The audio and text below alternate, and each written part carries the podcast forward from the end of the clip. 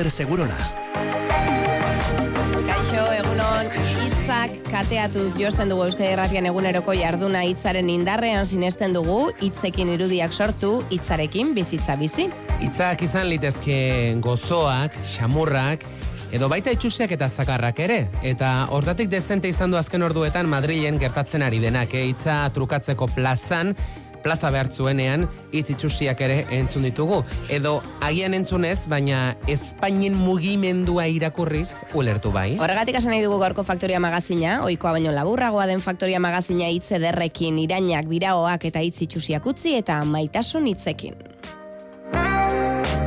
Maitasun hitzak, humilda xamurra, besterik etzekin, hain gaztea zan, ez zuen mundua, aiztoa ikusten, orain dikametxak bizi zituan, hiru gauz bakarrik zakizkin esaten, Aintzinako ipui, xermangarriak, maitasun histori, oeten abesti, besterik etzegin, hain gaztea zan. Aina horreta bizkaia, kaixo egunon. Kaixo, egunon. Maider, Mikel, maitasuna hortzadarreko kolore gorria da. Mm, maitasuna behar dugu, ura behar dugun bezala. Maite dut itxasoa eta asken abigatzea. Ogiak, gatza, bezain beste. Alakorik ez da entzun, ez? Madrilen diputatuen kongresuan. Ez, ez, ez da entzun, ez, Ainhoa. Eta horregatik hasi nahi izan dugu gaurkoa maitasun hitzekin, eh? E, bestetik asko izan dugulako azken orduetan. Donostiako martutene auzoan zaudainoa eta bertan irakurri dituzu arestien aipatutako maitasun hitz horiek. Ba bai, martuteneko dendetako erakusleioetan ari dira maitasun hitzak idazten une honetan arantzazuko ama ikastolako LH seigarren mailako ikasleak. Literaktum jaialdiaren baitan egiten ari diren ekimena da eta aurreko egunetan maitasunaz kontzeptu orokorraz gogoeta egin dute eskolan eta gaur kalera.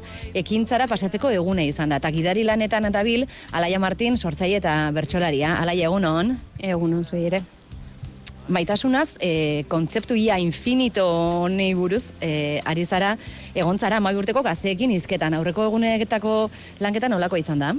Ba, ongi izan duzu ez, maitasuna badugu kontzeptu infinitutzat, baina, bueno, aipatutako gai hau hartuz, saiatu gara baita ere bere mugez hitz egiten, edo bere baldintzez, ezaguarri ez, eta maitasun ez dela ba, gauza itxi bat, ez? Bakoitzak bere begi eta gorputzetik bizi duela, eta e, sozialki determinatzen dela askotan, eta arau eta mugak izan ditzakela, eta baldintza batzuk, eta pixka bat e, horri buruz aritu gea, ikastetxe honetan lau klasetan zehar, eta gaur kale ekintza honetan gabiltza, beraien sormen lanak erakusleiotan idazten. Eta amabi urteko gazte baten e, begietatik, maitasuna zer da, zuri zer esan dizute?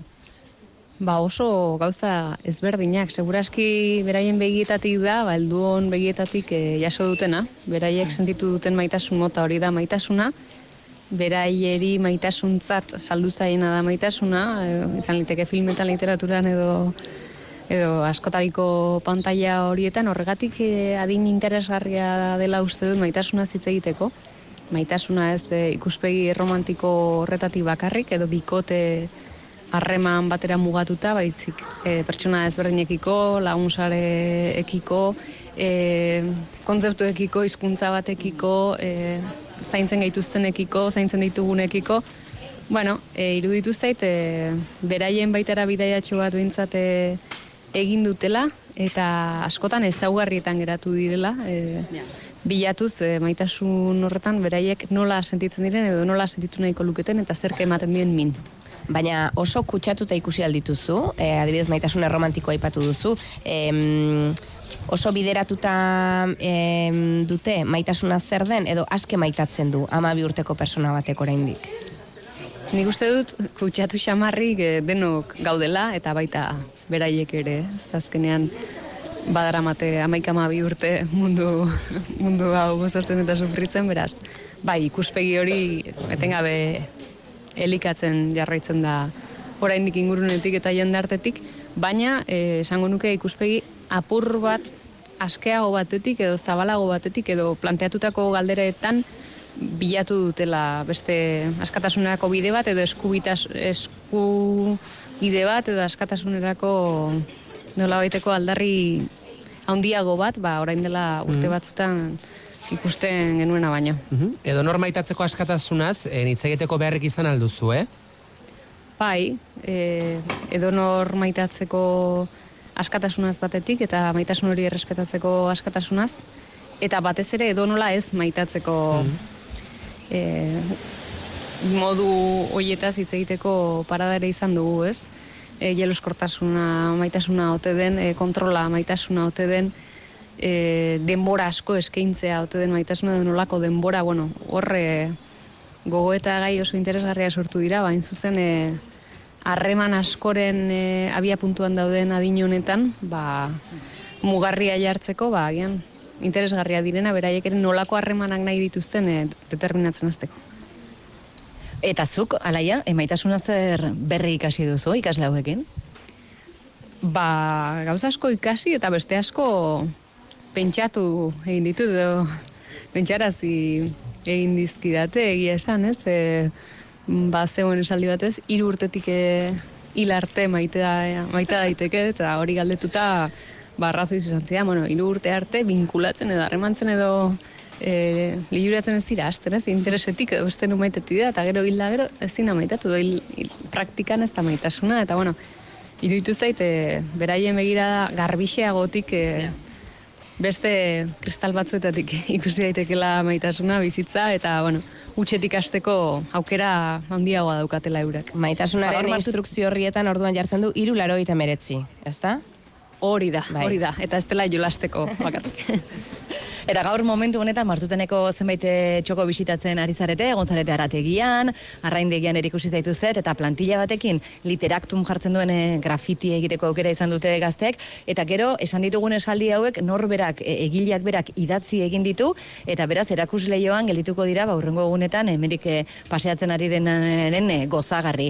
Eta orain gaude Adela pasteleriaren aurrean, Adela pasteleria esango dugu gainera martutene auzoan badela nahiko leku em, nahiko leku berezia, berrogeita mar irurogei urte bete dituen negozioa da, eta auzoko belaunaldi ezberdinentzat oso ezaguna da, auzoko memoria gordetzen duena, eta oraintxe bertan, e, badauzkat hemen ikasleak prest, e, euren esaldiak e, bozgoraiutik botatzeko, beraz, e, maitasuниtzak e, entzuteko prest gaudenez, nahi duzenean, eh? Maitasuna da nire amamaren etxean bakarriak bazkaltzen nire lenguzuekin egotea. Nire familia gorria, animaliak orlegiak, eta urdina den janaria. Kolore guztiak gustatzen zaizkit. Maitasuna ez da erlazio toksikoa eukitzea. Maitasuna norbaitekin egon nahi izatea eta berarekin lasai, libre eta seguru sentitzea da. Musika bihotzen itxasgarria da. Maitasuna da lorea, maitasunak berdea du kolorea. Maitasuna da mendia, familiaren aurpegia. Maitasuna da zua, gurasoi emandako musua. Naiz eta izan hotza, horrek ez du gelditzen nire bihotza. Fidela izatea da ongi maitatzea, baina zer da fideltasuna?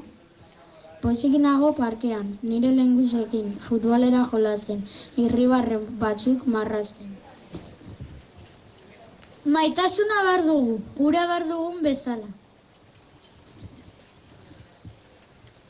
Zuk zu ikusten zaitu denean, denetatik sentitzen dut. Egon ondo sentiarazten zaituen pertsona horrekin, joten denean ere hemen egongo da eta.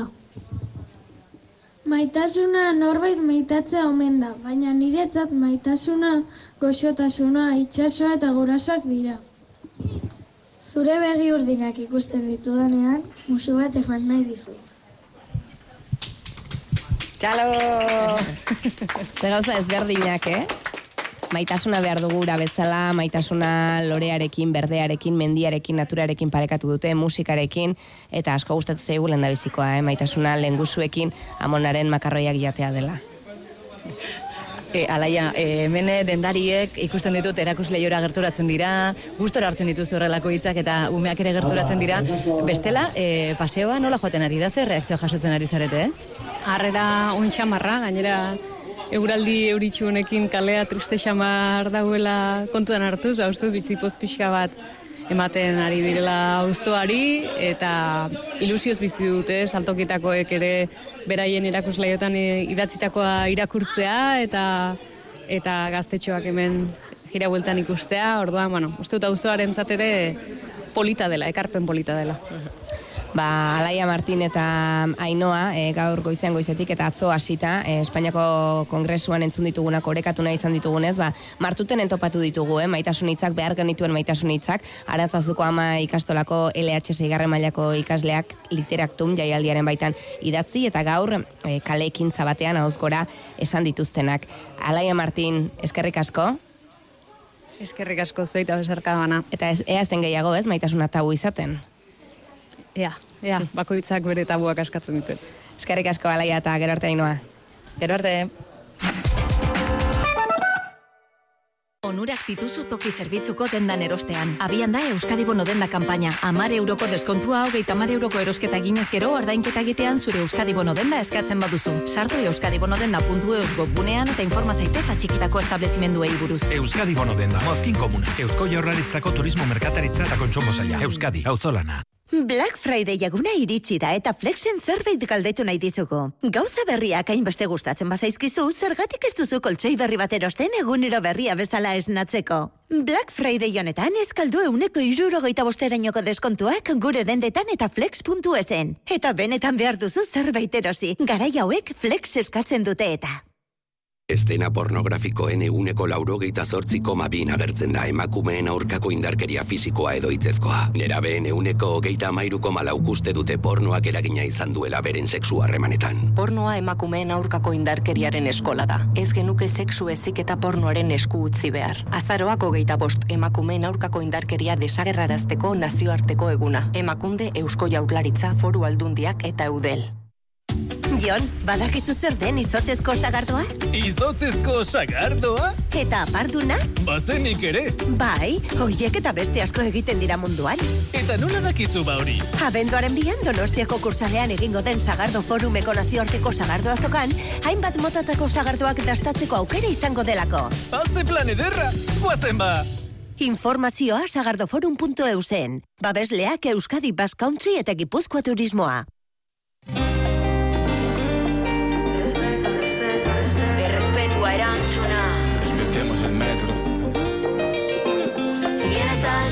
pido respeto, ey, ey, ey. Cuidemos lo nuestro, te pido respeto, ey, ey, ey. Io nascendo rispetto a un tatu, ma da suonare da tu, ridirti a un Rispettemos il metro a Bilbao, familia. Kokar Expokazion zure zain fiko autoazokan. Prezio behezinak azoka horretan bakarrik aurkituko dituzunak. Berehalako entregatzea, inon baino tasazio altuakoa, finantziazio baldintza bereziak, ibilgailu hibridoak, hibrido entxufagarriak eta elektrikoak.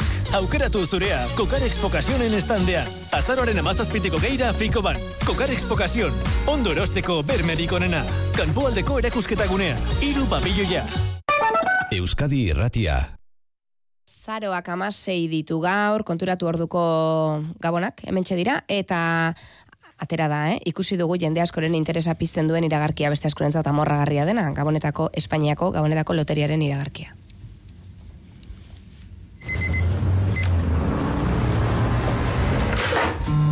Hola papá, dime. Sí, no te preocupes, el décimo de Navidad. Yo te lo compro, ¿vale?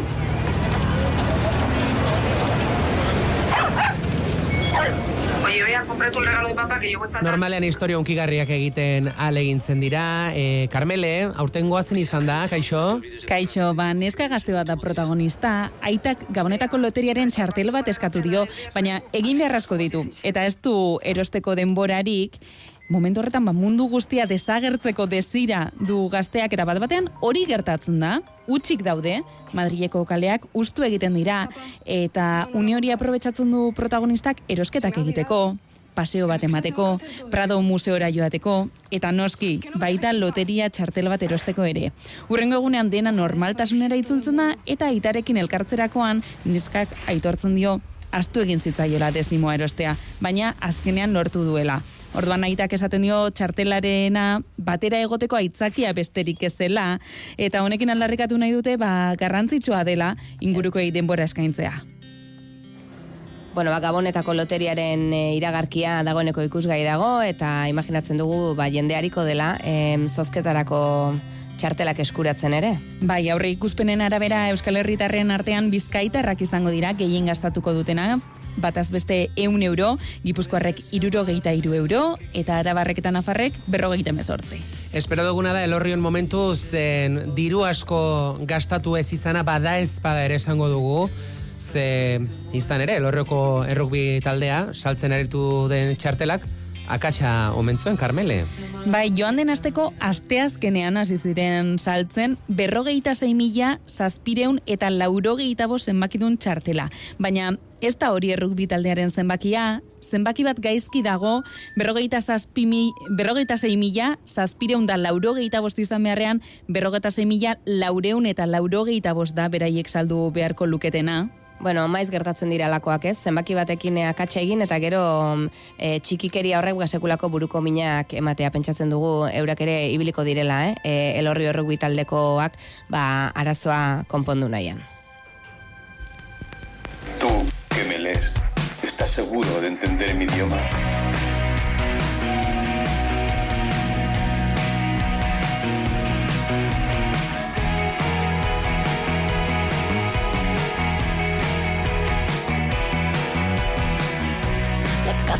No huele como huele siempre. Yo creo que hay pensamientos que solo se sienten. ¿Y dónde estás? Quiero volver atrás.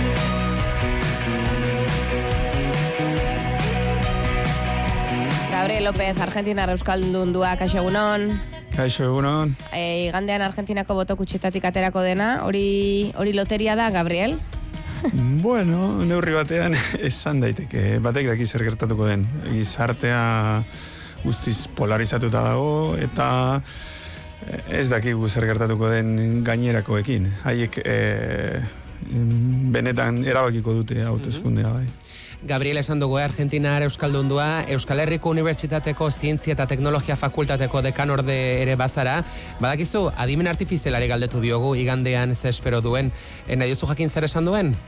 Bo, eta? Ara, azken inkesten arabera, hautagai favoritoa Sergio Massa da. Bost, amar puntuko aldea du Javier Mileiekiko. Baina bukaera ez dago argi. Mobilizazioaren eta zalantzatien araberakoa izango da. Hori dio adimen artifizialak. Zer diozu? Bo, eh, nerri batean ados eh, egongo nintzateke. Azken finean, mm, milei hautagaia nahiko berezia dela eta eh, nik esango nuke Argentinako gizarteak azken momentuan eh, masaren alde eh, bosketa emango duela. Baina benetan, eh, ez dakit. Eh, adimen artifizialaren egoeran nago.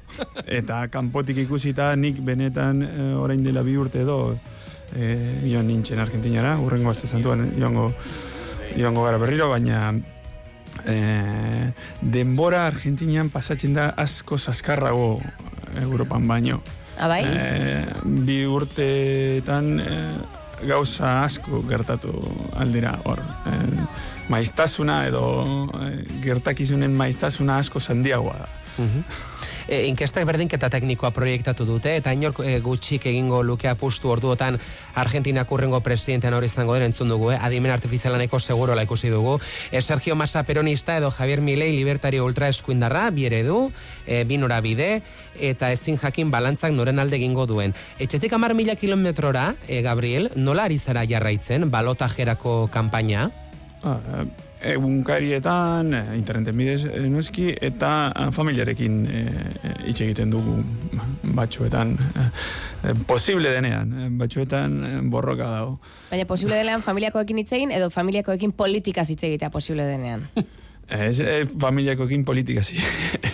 Zer da oso gai arantzatxua zuen etxean? Ez, ez, ez, ez, arazo, arazorik ez, baina adibidez nire arrebak badauka eh, dilema, esaten da, Bai. euskaraz? Eh, zeren eta eh, bi aukerak oso txarrak direla uste du. Alde batetik, batek esaten du eh, kontu batzuk edo neur- neurri batzuk hartu, hartuko dituela, eta azken urteotan eh, ez zituen martxan eh, jarri ezer egoera ekonomikoa batez ere konpontzeko. Eta bestea pixka bat eh, nire ustez burutik jota eh, dauela eh, baina enien naiz adituena eh, bakarrik nire iritsi pertsonala. Hau bada apur bat estatu batuetan 2006an gertatu zena, ez? Aurra zaura genituen Hillary Clinton, establishmenta euneko eunean, eta bestaldean, ba, hautagai ezoiko bat esango dugu. Bai. Eta jende askoren ataka bazen, ez? Emakume hau, pertsona hau, ordezkatzen duen guztia berriz. Bai. Zakit antzeko zera gertatzen hori ete den Sergio Masarekin. Eh, pff, antxekotasuna, eh, nik esango nuke Argentina berezi berezia dela. Eh? eh bada, badaude antxekotasun batzuk beste lekuetan gertatzen denarekin, baina guk darramatxagu berrogei urte, bai, berrogei urte gutxi gara bera, demokraziarekin eta hasiera batean eh, gizarteak bazuen eh, kompromiso politikoa. Eta azken urteotan politikariek jokatzen dute politikarekin eta ez eh, gizakiok. Eh, eta hori eh, ez dagoela txarto uste dut. Mm, em, baliabideak erabiltzen dituzte botoak erosteko alderdi guztiek, eh? ez, kuinekoak eta ez, eskerrekoak eh, eskerrekoak egiten dute antxeko, antxeko gauzak. Eta eh, o- okerrera jo, jo du eh, orain dela hogei urte edo eh, nola esan eh, ez aberatxiek ez eh, eh, txiroek eh, Bai. mm, bazuen zer esan eh, pot, eh, potentea. Eh, tartean ze, zeude, zeudenek eh, bazuten eh, poterea eh, gauzak aldatzeko. Eta orain ez zainbeste. esango Zuk, nuke. Gaber, zuk duela hogeita urte utzi zenuen sorterria, e, Argentina, e, bertatik Alemaniara egin zenuen, gero Euskal Herrira, eta esan duzu, eh? En, zure ustez giroak edo en, gizartearen animoak okerrera egin duela. Bai, bai, gaur egun em, okeres banago, gutxi gora bera, eguneko berrogeik eh, jasotzen dute eh, diru laguntza gobernuetatik, ez, eh, provintzietatik eta eh, mm, estatuko laguntza.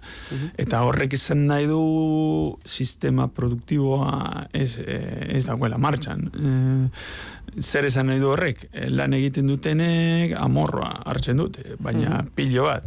Eta gero agertzen da milei eta esaten du bakarrik eh, lan egiten dutenek jasoko dute zeo zer.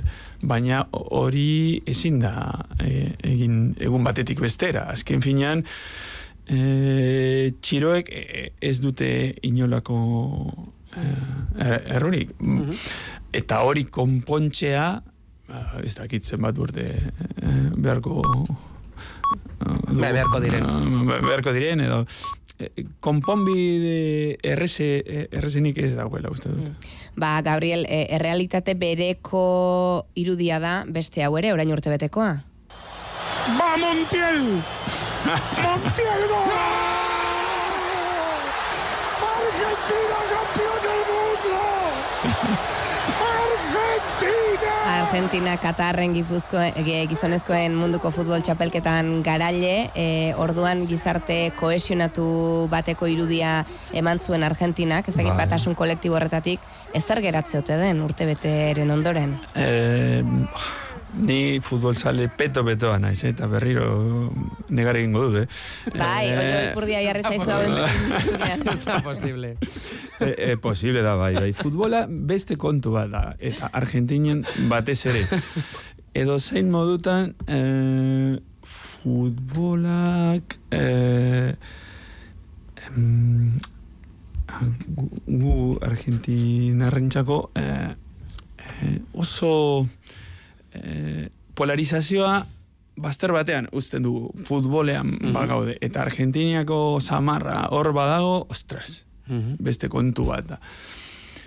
Baina zamara hori erantztean, en, itzuli da alako polarizazioa esan behar nuen, baina egian izan daiteke muturtuta egote bat, ez? Oso, bai, bai, bai, bai, bai. herrietaren kulturan harrapatuta ikusten dugu Argentina, hemen Europatik behintzat. Bai, bai, ados, ados nago zurekin. Eta e, zergatia, eh, ez, e, nik ez, ez, ez daukat bide errezenik e, polarizazioa da e, mutur horiek e, sortzen dituzten e, polarizazioak e, azaltzeko bide errezenik. E, azkenean, e,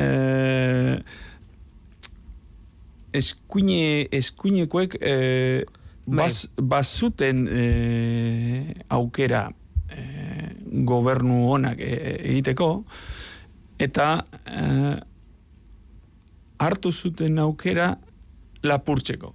Eta gero, etorri dira uh, Kirchnerekin eh, eskertikoek, bai. eh, eskertikoek, eta beste horren, horren beste eh, eh, egin zuten. Eh, Azkenean, eh, gizarteari begira eh, neurriak eh, guztiz kontrakoak dira. Baina, eh, benetan pragmatikoki ikusten baduzu kanpoti, egoera ekonomiko ez du obera jotzen. Eh, orduan zer gertatzen da. Eta nik esango nuke gizartea guztiz kutsatuta dago horrekin, korrupzioarekin. Eh, leku guztietan dago eh, korrupzioa eta mail guztietan. Eta lan egiteko ohiturak eta balioak eh, galtzen ari ginen azken urteotan. Eta hori aldatzeko zer beharko dugu? Ez dakit zenbat belan beharko ditugun hori eh, aldatzeko. E, Esan duzu, en aserrean nagusitu dela uneotan en Argentinan e, klase politiko eta sistema batekiko en aserrea, sentitzen alda Argentinan uneotan nostalgiarik? Zer Argentinako izaeraren parte bada edo hori saldu dute behintzat, nostalgia? Bai, bai, bai, bai. Eh, eh, orain dela hogeita mar urte edo berrogei urte eh, egoera ekonomikoa Argentinan nahiko asko zo hobea izan, izan zen eta gaur egun eh, egoera ekonomikoa batez ere oso oso txarra da. Mhm. Orduan eh, batez ere Ego Amerikan, Argentina Argentinarrak eh, gu gaude oso harro eta pentsatu genuen Europar, Ego Amerikako Europarrak eh, ginela. Eta Bai. gaur egun ezin dugu hori esan. Eh, eh, dena den, nik esango nuke Argentinako egoera ez dela hain txarra, adibidez. Ah, gu gizarte polarizatua daukagu, baina eh, autoeskundeak egongo dira, baina Mexikon, eh, Mexikorekin edo Brasilekin eh, erkatzen badu egoera, guk ez daukagu arrisku handirik hilketa bat izateko adibidez. Eta hori gerta daiteke Mex Mexikon. Eh, ziurtasuna ez da eh, Euro, eh, Europakoa, baina dena den eh, gizarte heldoa gara. Eh, egoera ekonomikoa oso txarra da, baina eh, kanpotik ikusita eh, egoera ez da hain txarra. Yo sé que esto que me pasa a mí también te sucede a ti. Amontonados, contradictoriamente distanciados ahí te vi y ni siquiera te acordas de mí.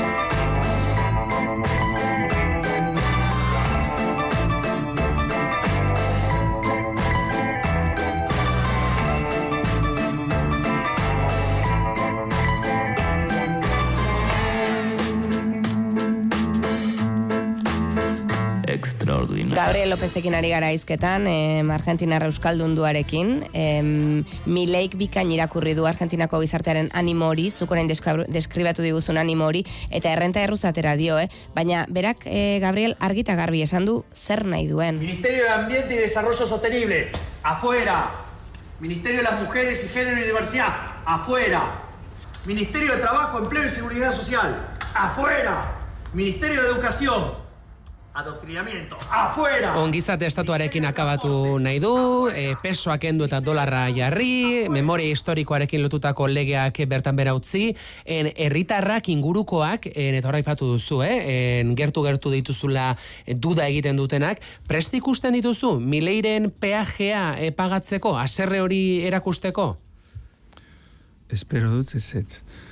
Egia esan da. Uh, autagai batek proposatzen badu eskuntza ministerioa kentxe, eh, kentxa. Bai. Eh, eh, eh, nire ustez ez dauka esankarik ez bururik. Baina ni eh, ez nintzen egon eh, em, Argentinan. Orduan, eguneroko bizitzan arazoak pairatzen dituzten pertsonei nik esango esango diet zer den e, egokiena e, nien naiz ausartuko kanpotik ikusita e, argi dago ez e, e, ezin dugula hori e, onartu edo Mhm. peaje hori e, ordaindu e, ez, e, e, ez dauka inolako zentzurik Baina eta, ja- horreta, bai. eta horretaz aparte, nik esango nuke bakarrik eh, hori eh, eh, mileik egiten du hori zirikatzeko. Bera badaki, eziniezkoa dela hori. Hori guztia bakarrik populismo utxa da, dela uste dut. Baina eh, botoak eh, hartu zituen.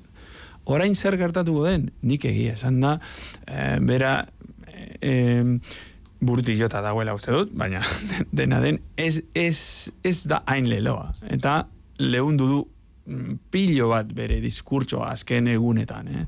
Eh, eta hori nabari, nabaritzen da. Eh, egunkarietan eta elkarrizketetan eh, eh, egon da debate bat, bai. non bera oso oso apala agertu zen. Eh, egia esan da, egunkarietan esaten dena da, eh, masak eh, abantaia hartu zuela debate horretan, bere jokabideagatik. Eto noa lehuntzen lan egin da milei, ikusten diozu abileziarik, boto emale moderatu erakartzeko edo lehoia beti da lehoi? Nik esango nuke eh, ez duela lortuko hori berak. Eh, em, baina eh, adimen artifizialak esaten den moduan, bate daki.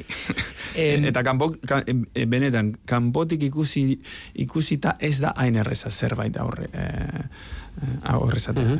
Ezu, eh, gobernador Castrokoa zara, Gabriel, eh, Buenos Airestik berreun kilometrora dagoen 2006 biztanleko herrikoa, nolako ingurua da, en ideologikoki? Kontserbadorea da? Mm, E, denetarik dago, e, nekazaritza da mm, ekintza garrantzitsuena, edo eta orduan e, zuk badaukazu mm, baserriak dituzten pe, pe, pertsona, pertsonak eta langileak. Orduan erdizka bananduta dago. Eta azken hauteskundeak ez dakitzare. Mhm. e, note, baina denetarik dago, eh? Eta estatu batuetan edo Brasilen e, somatu den bezala ikusten duzu en, zatiketarik eremu urbano eta landa eremuen artean hirietan aukera progresistek irabazten dutela eta aldiz kontserbadoreagoek e, landa inguruetan? Edo hori Argentiaren ez da gertatzen? Ez hainbeste, ez nuke esango eh, hori, eh? Ba, bai, eh, hori gertatzen da eh, asko eh, Buenos Airesen. eh, iri, iriburuan, Buenos Aires bertan, eh, capital federal, deitzen dena, bai, eh, es, gizartea nola esan eh, eskuntza maila handiagoa du, eta orduan eh, New Yorken bezala bai. eh, demokratikoak, eh, Mhm. eta bar, erabazten dute, eh, eta gerta daiteke eh, Gran Buenos Airesen, eh, i- hiriburuaren eh, ondoan eh, bizi direnek Bai. eh, peronistaren alde eh, bosketa egiten dute, eta gero herri barruan ez- denetarik dago. Denetarik dago. Denetarik, ez, ez nuke esango eh, banaketa hori estatu batuen bezala gertatzen dena. Eh? Esan dugu, eh, berdinketaia teknikoa dela en inkesten arabera, en hautagai ultraeskuindar batek eskuratu ezake presidentetza Argentinan ikusiko dugu, en horrek ez du esan nahi, Argentinan hautesleen erdia ultraeskuindarra denik ez da gutxiago ere, en aserreak eraginda egingo dutelako askok mileiren alde, aldiz, en masaren alde boto emateko motivazio nagusia da milei geratzea edo pizten dualako ilusio minimo bat sikiera. Nik ez nuke esango ilusio minimoa sortzen duela masak.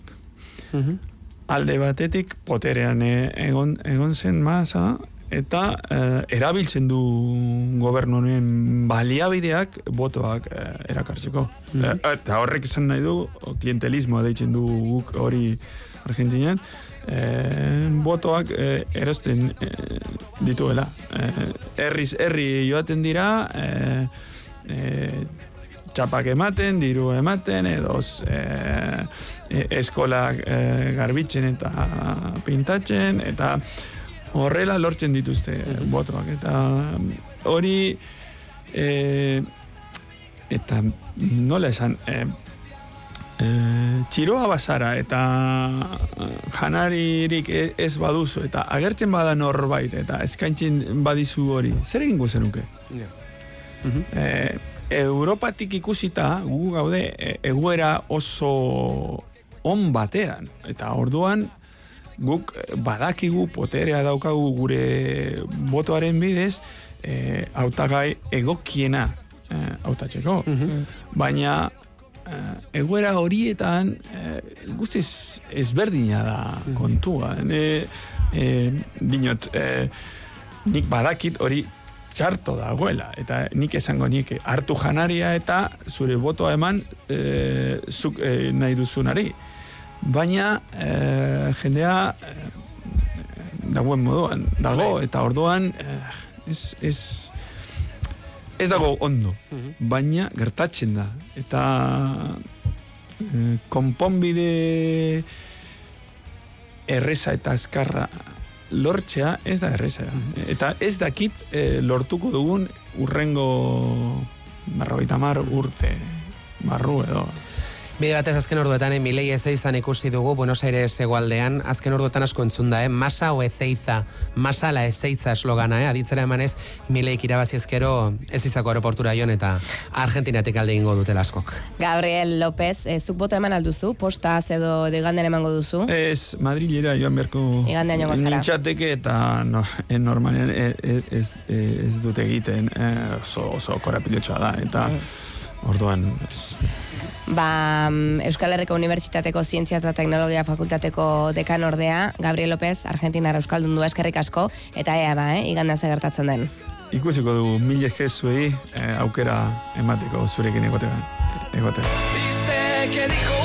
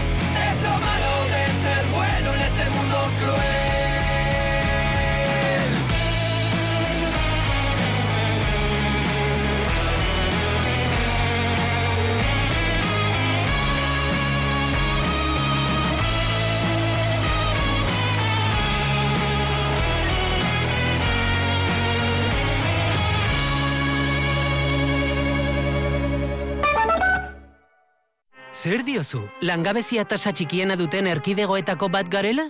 What the Basque? Ez ezaguna den hori, Euskadi enplegu tasa handiena duten erkidegoen artean egotea dakarrena autogobernua da. Sartu euskadi.eusen eta ikusi zergatik Euskadik jarraitzen duen Euskadi izaten.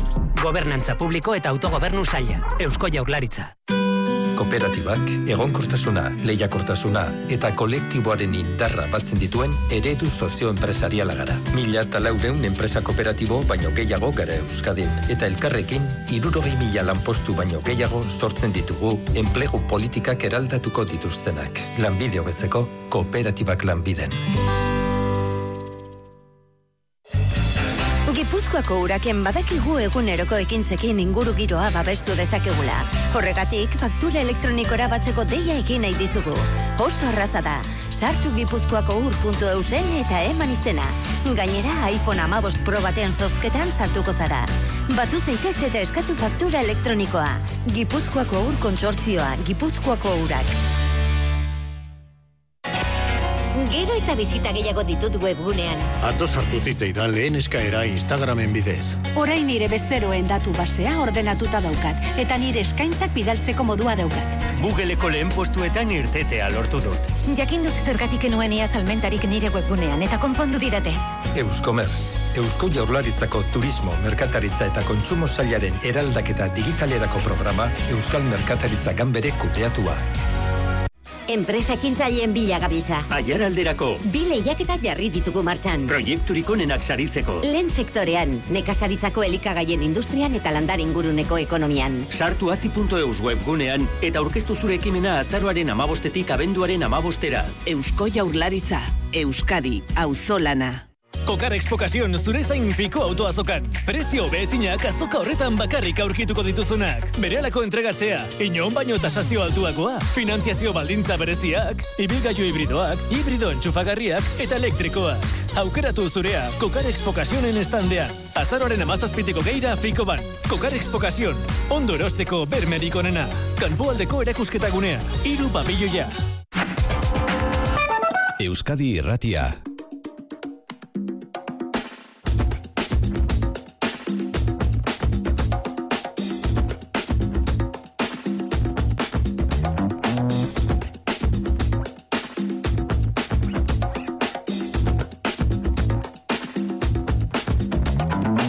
Ekinez egina.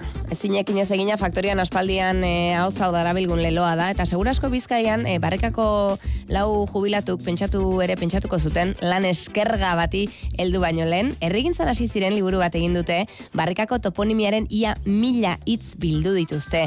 Lan horrek eh, harreta merezi duela pentsatuta bertara joan gara, antxe da, Asier Rodriozola, ikertzailetako bat alboan duela okerrezpa gaude, Asier Kaxegunon.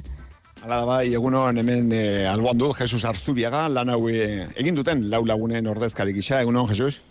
Egunon, egunon. egunon. Bueno, barrikak hartu gaitu eta herri ederra, eh? Piskat apartean geratzen da, baina ederra txikia, eh, frontoiare txikia, pilotalekoa, eta horre babes hartuta gaude, maider izan ere euraldi kaskarrak hartu hartu bai gaitu. Bai, ba, barrika leku paragabea da, eta aprobetsaten dugu e, aldugun guztia bertokoak, eta orduan, ba, e, hori erakutsi behar dugu, e, nahi dugu mundu guztiari. Bueno, bidezkoa izango da noski, e, zurekin batera ikerketa lan hau egin dutenen izenak aipatzea, zeintzuk izan dira? Bai, e, egia esan, hasi ginean e, duela ja bederatzi urte, eta hasi ginean sei lagun. Sei, sei lagunetatik bi e, bizi, bizitokia aldatu zuten eta orduan amaitu gendun lau. Eta laurok gara Juan Gandiaga, Jon Nicolás, Jose Maria Elbizu eta nik neu e, Jesus Arzobiaga. Eta itxiu zutenak ziren e, Jon Gorospe eta e, Pedro Anton. Bo, lehen galdera ezinbestekoa da, eh? nola bururatu zitzaizuen, nola otu zitzaizuen lan honi ekitea. Esan duzu, orain bederatzi urte izan zela hori, baina nola bururatu zitzaizuen? Bai, bueno, ba, egia da, e, beste herri batzuetan bezala, gertatzen dan bezala, ba, nunbait e, herriain polita eta e, ederra izanik, ba, edo zein bazterretatik e, joan ezkero, ba, lehenengo galdera sortzen zaiuzuna da, e, eta zelan deitzen da leku hau, ze, badakigu leku danak dekiela bere izena, ez da? Eta e, zoritxarrez, galdetu ezkero, e, jente gazte, bertoko jente gazteeri, ba, segurazki erantzuna izango da, ba, jo, ba, ez dakiz erandan, dekon izena, nire aitari eh, edo nire gurasoari galdetuko bazeno, ba, seguro emango ziguna. Eta, karo, hor ikusten gendun, ba, etendura zegoela e, belaunaldi gazten eta sarren artean. Ez da egon transmisio e, on bat e, sarren eta gazteen artean. Eta hori izan zen e, motibo bat. Beste bat izan zen leku bate leku bati galdetu eta zeran deitzen da leku hau? Ba esan txitxarro punte. Ba, non da txitxarro punte? Ba txitxarro punte igual erantzun, e, erantzuna segun zenbat persona galdetzen duzu ezaten kokatzen duzu leku batean edo bestean edo bestean. Eta hori ere ezin diteke. Eta ordun Olako arazoak e, zuzendu nahian, ba, joaten e, ginen e, edo joan alda mapatara. Eta ikusi dugu mapa ofizialetan ba, akatz ederrak egon dirala.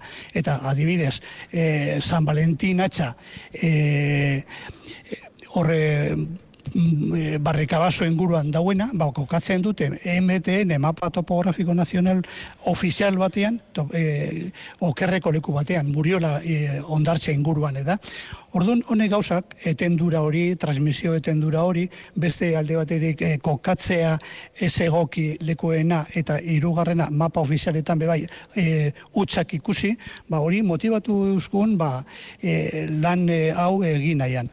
Eta gu gara elkarte gertuko gertuko elkartekoak, el, el, gertuko da elkarte zibiko kultural bat eta orok e, asamblea urteroko asamblea oro- orokorrean e, bazkide bat e, pasatu zuen, segetik ez dugu eratzen talde bat, bertoko toponimia e, aztertzeko ika- eta e, finkatzeko behin batez. Eta horre, ho- hola nazegi. E, e, eta, eta aurrera atera zen eh, proposamen hori, eta alare esan duzu, ez zarete jakina profesionalak honetan, behar bada aholkularitza jasoko zenuten, eta bidean, aipatu dituzun, trampatxo hori, gau da mapa bat gaizki zeuela, eta bar, eta da? Eta hori da, hori da. Eta bueno, ba, hasi ginen, eh, guk eh, izatez eh, profesionalki oso profesio ezberdinak eh, eta ezer, ezer ikusik ez zeukana eh, arlo horreta, honetan, ez da? Ba, medikoa, beste arkitektua, beste ingenieroa, eta beste batzuk, ba, beste marin eh, itxasgizonak eta abar. Eta bueno, ba, hasi ginen, eh, borondate handiz eta gogo handiz, baina momentu batean konturatu ginen, ez ginala aditua arlo honetan. Eta orduan, joan ginen, e, ba, aditu diren e, jentean gana, e, aputxu bat e, aholkuak eta hartzeko. Eta hori dela eta jo- joan ginen e, Euskal Tzaindiko e, Mikel Gorrotxategiren gana, eta berak eh, eman zigun eh, arau batzuk nola egin, eta azken batean e, deskarrilata zegoen eh, trena, ba, bere eh, bi, eh, lekuetan ipini. Arrastoan sartu duzu, eh? Eta, eta e, bera, beraren laguntza esker, ba, aurrera ema- a- a- e, egin genuen e, lan hau. E, toponimo guztiek agiren bat baldute oinarrian, Zan dute, ahozko informazioa ere jaso duzu, ala bakarrikan agiriak izan dituzue toponimia liburu hau egiteko. Bi iturri euki dugu nagusi, eta bata izan da idatzizko dokumentazioa, e, e, idatziko, idatzizko dokumentazioa ezean, ba, e, jabetxe eskriturak, e, e, udaletxeko aktak, e, deslindeak, e, art, artxibo forala, eta abar. Eta gero, bebai, lortu dugu informazio e, hemengo sarren edo e, lekua ondo ezagutzen duten e, partetik. Eta bien artean, ba, eratu gendun e, egin dugun liburua. E, aurkitu dituzuen toponimoen artean, zen egin zaizue hola nolabait esateko harrigarrien edo deigarrien? Bueno, bueno, ba, deigarriena edo hemen, hemengo, hemen dau toponimo bat, txipio esaten da, dana, Bai. eta txipio eh, hemen inguru hontan eh, ul, ulertzen da dala eh, ba, padura inguruko bat, baina da hi- hitz nahiko lokala, ez da, ez dut entzun beste leku batzuetan. Eta txipioz, plentzi eta, eta barrikarateko padura batzuk, eta hemen txipio esaten diogu. Eta orduan, nik uste dut hori hitz berezi lokal, eh, oso lokala dala, eta nik uste dut hori da putxu bate neko esanguratsu arlo horretan, ez da? Gero, be, e, to, topa dugu beste izen batzuk ez dakigula etimologikoki zer gura dagoen esan, ez da? Ze daude izen batzuk, lainita adibidez, otadi bat, emo, mausurita ondoan. Ba, ez dakigu zer nondi datorren, zer gura dago esan, edo, ez dakit. Le, lehen esan dugu, Jesus, e, ia mila toponimo aurkitu dituzuela edo izendatu dituzuela. E, ez dakite ze sensazio geratu zaizuen lana erabat borubile amaituta dagoela, ala utzi dituzu hor oraindik ere izendatzeko le, lekuak. Ez, ez, ez. Bueno, topa dugu bederatzen eta berroge eta mazortzi e, e, izen leku. Eta e, ondiokarren, deko e, atara dugu bi formatotan, liburu bat eta gero web gunea bat. Eta gente badakigu aukerreren bat egin du hankasartzeren bat egin dugula eta ordu no, e, zabari gaude e, barrikako edo jende edo dakien jenteen artetik e, ba, e, zuzenketa batzuk hartzeko edo karpen batzuk hartzeko eta beti gaud gaude konpontzen eta eguneratzen. Horri horri Jesus humiltasuna esate zaio eh. Toponimoak euskarazkoak dira gehien bat Barkatu?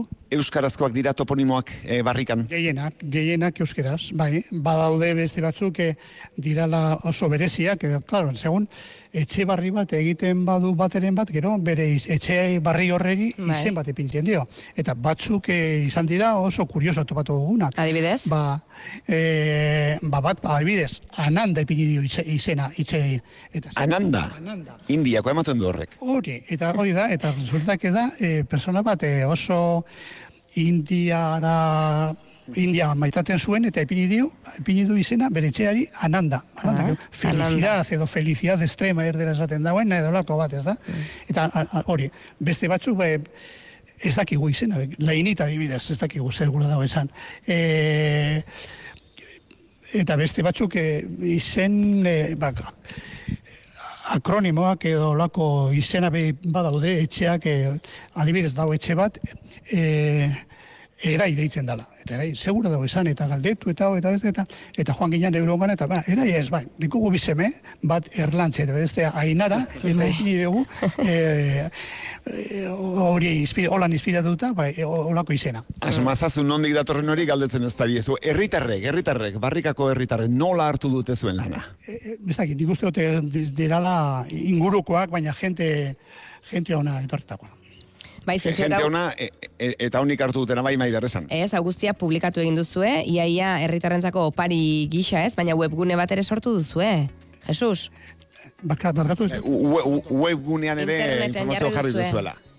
Web, dekogu bi formato, liburu eta weba. Eta webean, web dau zabalik, eta orduan weba, weba e, dekogu zuzenbide elektroniko bat, eta orduan e, ara ekarpenak, edo zuzenketak, edo zeo zer konpontu behar bada, ara e, idazten digute, elkartzen gara eurokin, eta e, erabakia hartzen dugu. Plan, plan ederra, Jesus. Mil esker, Jesus Arzubiaga eta zorionak zuri eta zure hiru lagunei, eta izen asko esan dituzu ea bateren batera ikusten diazun orain herrian.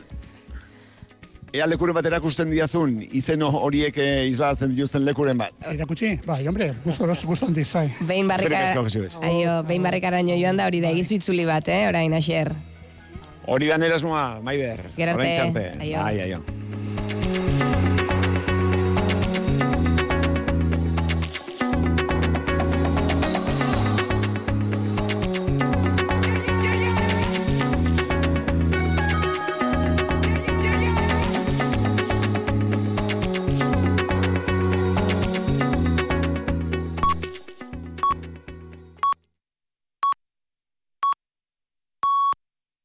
Eguerdiko amabiak dira. Euskadi Irratiko Informazio Zerbitzuak. Albisteak.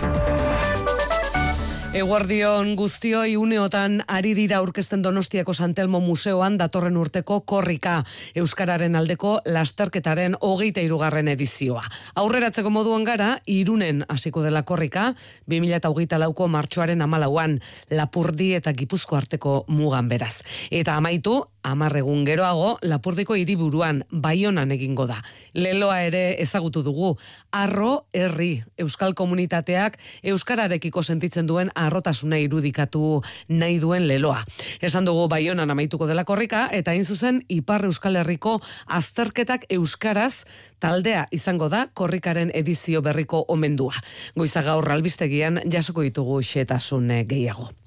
Bilbon berriz, ezkerraldea da eskuinaldea batuko dituen itxasadarraren azpiko tunelak badu hasiera data. 2008 lauko udarako lanak hasiko direla iragarri du Imanol Pradales Bizkaiko bide azpigiturako diputatuak. Bizkaiak legealdi honetarako duen proiektu garrantzitsuena da, itxasadarreko tunel hau eta Europako inbertsio bankuaren babesa ere jaso du berreun milioi arteko finantziazioa. Imanol Pradales. Gure asmoa da, behin betiko proiektua txailean ohartu ahal izatea, aste batzuk eh, geroago obren lizitazioa eiteko eta obrak 2008 lauko udaran iguruan eh, hasiko direla pentsatzen dugu. Eta gaizaldatuz, Europar batzordeak grifosato herbizidaren erabilera beste amar urtez eh, baimendu du, Amaia Portugal. Bai, estatukidek hartu behartzuten erabakia, baina bigarren bozketan ere ez da gehiengo kualifikaturik izan, ez glifosatuaren baimena luzatzearen alde ez kontra, eta kasu horretan, Europar batzordeak du azken hitza. Bada batzordeak aurreratu du, baimena luzatuko duela beste amar urtez, orain arte baino baldintza zorrotzagoekin. Esaterako, ezingo dela lehorgarri gisa erabili uztaren aurreko fasean, eta neurri gehigarriak hartu beharko direla inguruko organismoak ez kaltetzeko. Glifosato herbizidaren erabilera oso zabal zabalduta dago, naiz eta osasunaren mundu erakundeak ohartarazi duen minbizi arriskua areagotu dezakela, baina Europako agentziek ez dute ondorio garbirik atera gaiaren inguruan. Euskadin berriz hezkuntza legearen baitan langileen lan baldintzako betzeko lehenengo akordioa sinatu du LAB sindikatuak. Hezkuntza sailarekin akordioak onurak jasotzen ditu sukalde eta garbiketako langileentzat. Tartean lanaldia eren bat murriztea 60 urte baino gehiago dituzten sukaldeko eta garbiketako langilei. Irarito iratito bar labeko ordezkariak azpimarratu digu bide honetik emandako urratsa dela eta lanean ari direla akordioa gehiago sinatu alizateko ekainean hezkuntza sailarekin sinatutako itunaren baitan akordio laborala sinatu genuen hezkuntza sailarekin eta eduki hoiek garatu dira lehenengo aldiz e, sukalde eta garbiketako mai negoziatzailean. Bereziki bi punturi dagokionez egiturazko lanpostuak e, jasotzea eta bestetik egoera zaurgarrian dauden sukalde eta garbiketako bereziki emakumeei 60 urtetik gora erena murrizteko aukera lanik egin gabe eta hau ordaindua izanik eta ordezkatua. Orduan bueno ba guk uste dugu bide honetik doala et Eta ezin amaitu Madrilera begiratu gabe taldeen hitzaldiak eh, amaitzar daude, une honetan, mm, ba, une batetik bestera hasiko da presidente izendatzeko bozketa diputatuen kongresuan, ordu bateko albistegian luze eta zabal kontatuko dizuegu goizak eman duena. Eta errepideetan adi AP batean e, Eibar inguruan lesarriko tunel barruan bi autok e, elkar jo dute eta errail bat e, oztopatzen dute. Adi, eguraldiari begiratuz berriz, odei asko eta euri txiki egingo du. Odeiak ugariagoak eta euria botatzeko aukera ere haundiagoa izango da arratsalde gau partean. Goizeko egoaizeak hartzaldean ipar mendebaldera egingo du, bizi xamar kostaldean eta temperaturak, ba bueno, goizeko beroenak eh, izan dira, hartzaldean apur bat behera egingo dutela esan digute Euskal Metetik. Eta gure aldetik besterik ez ordu bete barru, eguardiko ordu batetan izango duzue, albistegi saio nagusia, bitartean informazio eskure duzu eitb.eusatarian. Gero arte.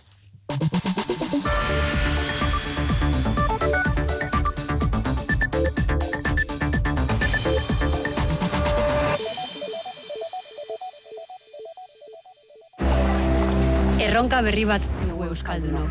Makinei, teknologiari, adimen artifizialari. Euskera irakatsi behar diegu. Milaka ahots behar ditugu. Mundu digitalean ere, euskeraz bizi gaitezen. Batu ditzagun gure ahotsak teknologiari euskaraz irakasteko. Gaitu.eus. Sartu eta eman zure ahotsa. Jump Yard Bilbora iritsi da! Inoiz ikusi ez dena! Jolas Parke erraldoia! Oelastikoak, ninja zirkuitua, eskalada, tirolina eta askoz gehiago! Zure urte betetze jaia ospatzeko, team buildinga egiteko, edo une oso divertigarriak igarotzeko txoko aparta! Dibertsioa bermatuta dago! Sartu jumpyard.esen eta egin zure reserva! Derion aurkituko gaituzu! Epa, zertan zabiltza? Ba, urrengo irteeratxoa prestatzen. Urrutire joan gabe nekazal hotel bat nahiko nuke eta gure gastronomiaz eta kulturaz gozatu. Banik Sagarlore hotela eta Petritekiko esperientziak gomendatuko nizkizuke. Itxura ona. Astigarragan daude, donostiatik oso urbil. Bisitako pategira, Sagarlotekiko menua eta guztia natur ingurune berezian. Ba, orain egingo dute reserva. Sagarlore eta Petritegi, bertako plazera. Alokairuaren kudeaketa zahanztea. Errenta hilero kobratuko duzula ziur jakitea. Eta zure etxea esku honetan dagoela jakitea. Badakigu zer behar duzun etxe bizitza alokatzeko. Utxik dagoen etxe bizitza bat baduzu, bizigune da zure programa. Eusko Jaurlaritza, Euskadi, Auzolana. Ibilgailu baten bila zabiltza? Zatoz asteburu honetan Fiko Autora. Aukerako ibilgailuen azoka Gipuzkoan. Irungo Fikoban. Ostiral honetan arratsaleko lauetatik zortzietara. Larun bat eta igandean. Goizeko amarretatik aurrera egun osoan zehar. Gerentzia ibilgailuak, erdi berriak, 0 kilometrotakoak, preziorik onenetan. Ah, sarrera eta parkalekua, doan dira. Alokairuaren kudeaketa zahanztea. Errenta hilero kobratuko duzula ziur jakitea. Eta zure etxea esku honetan dagoela jakitea. Badakigu zer behar duzun etxe bizitza alokatzeko. Utxik dagoen etxe bizitza bat baduzu, bizigune da zure programa. Eusko Jaurlaritza, Euskadi, Auzolana. Onurak dituzu toki zerbitzuko dendan erostean. Abian da Euskadi Bono denda kanpaina. Amar euroko deskontua hogeita amar euroko erosketa ginez gero ordainketa egitean zure Euskadi Bono denda eskatzen baduzu. Sartu Euskadi Bono denda puntu eusgo bunean eta informa zaitez atxikitako establezimenduei buruz. Euskadi Bono denda, mozkin komuna. Eusko Jaurlaritzako turismo merkataritza eta kontsumo zaila. Euskadi, auzolana. Atzo lehen aldiz, ametxe egitea lortu nuen. Hemen, seguru nago, pentsatu nuen. Aske naiz. Sultanaren ametsa. Azaroaren amazazpitik aurrera zinema aretoetan. EITB-den eskutik. Euskadi Irratia.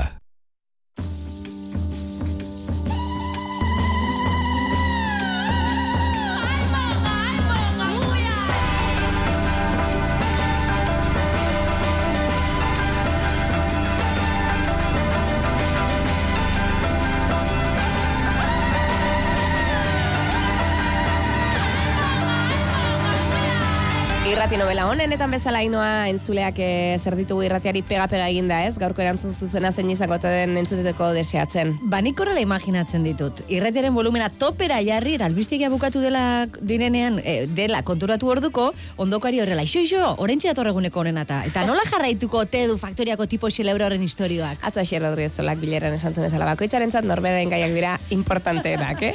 Eta batzuk denon eh, ardura eta denon eh, interesekoak dira. Izen ere ez dakigu, eh? Personaren izenik ez dakigu beste munduko gizona ala esan zigun berak eta ala deitzen diogu. Badakigu elkarrezketak nola jarraitzen duen eh, jakin nahi duzuela. Ze esan zenuten, entzulen ze esan zuten?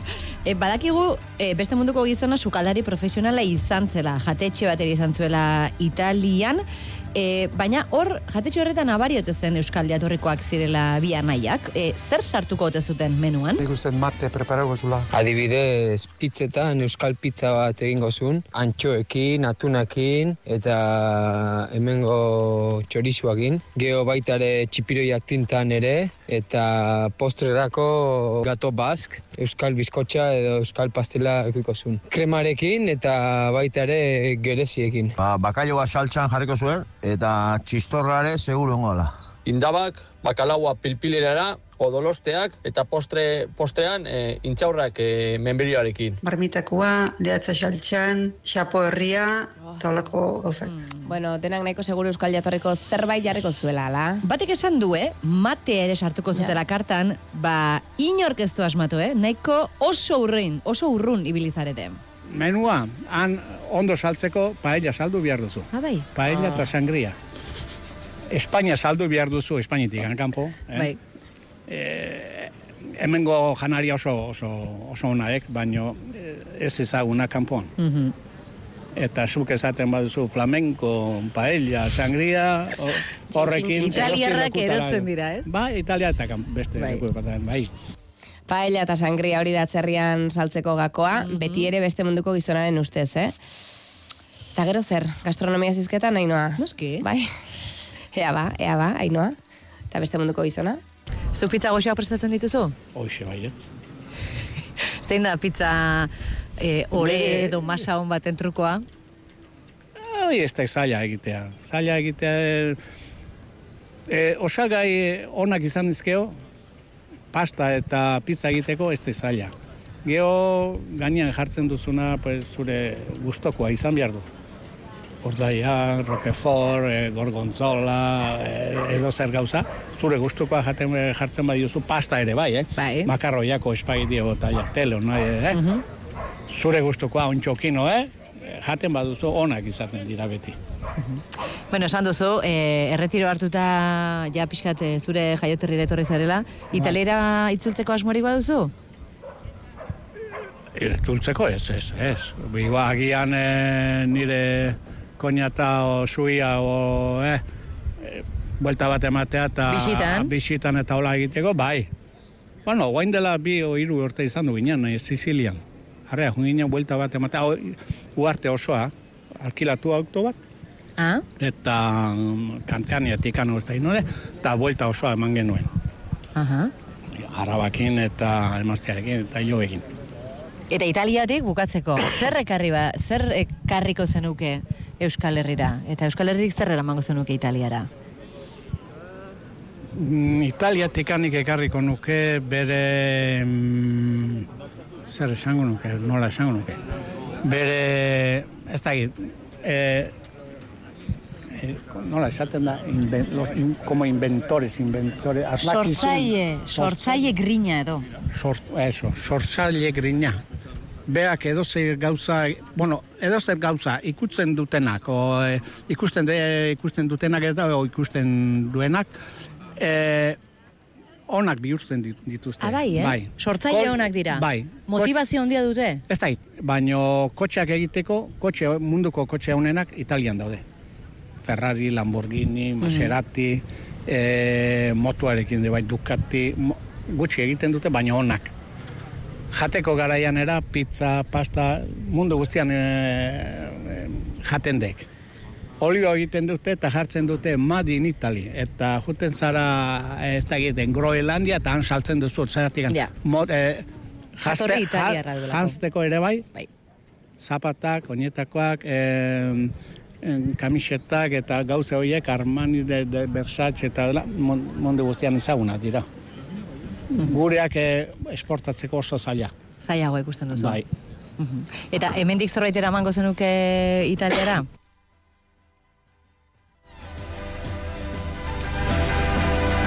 Beraz, zer emango luke beste munduko gizonak Italiara, hori da gaurtik biharrera erantzun behar duzuen eta horretarako zuentzak zabal zabalik, 6 sortzi sortzi, 666 telefonoa, eta gure tableta zuen audio mezuak jasotzeko, entzuteko, prest eta deseatzen dago.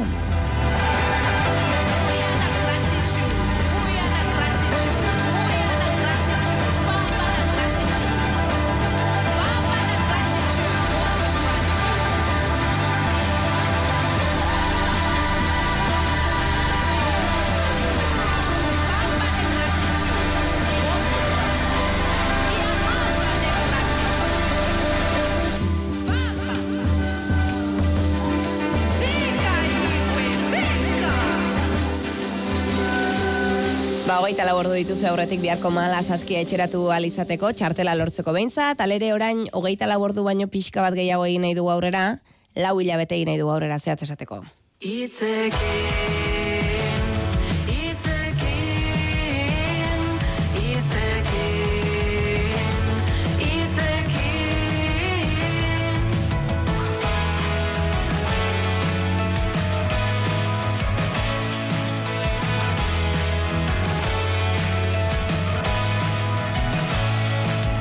Lau hilabete barru egingo da, korrikaren urrengo edizioa, hogeita irugarren edizioa. Bai, eta Donostiako Santelmo Museoan e, entzun dugu albistegian, oraintxe bertan e, aurkeztu dute. Eman berrituzten xetasunak ezagutu nahi ditugu. Korrekako koordinatzailea da Anel Ordu ikaxo egunon. Haupa, unon. Aurkezpen amaitu berri berria duzu, eh? E, lehen aurrerapenak entzun ditugu albiste mankizunean, e, baina aurreratu dituzu ez, noiztik nora egingo den, nondik nora ere bai, e, leloa, ane? Bai, hori da, gaurre aurkeztu dugu, hogeta irugarren korrikak e, izango duen leloa, arro herri, eta irundikasi eta baionaraino eroango dugu lekukoa martzoaren amutik hogeta laura. Mm e, omenduak nortzuk izango diren, hori jakinarazi duzu baita ere? Baita, azterketak euskaraz kolektiboa omenduko da bogeta irugarren korrikak, e, urte luzeetan basoa eta brebeta euskeraz egiteko borrokan e, aritu eta ari diren e, ikasle horiei ba, aitortza egiteko.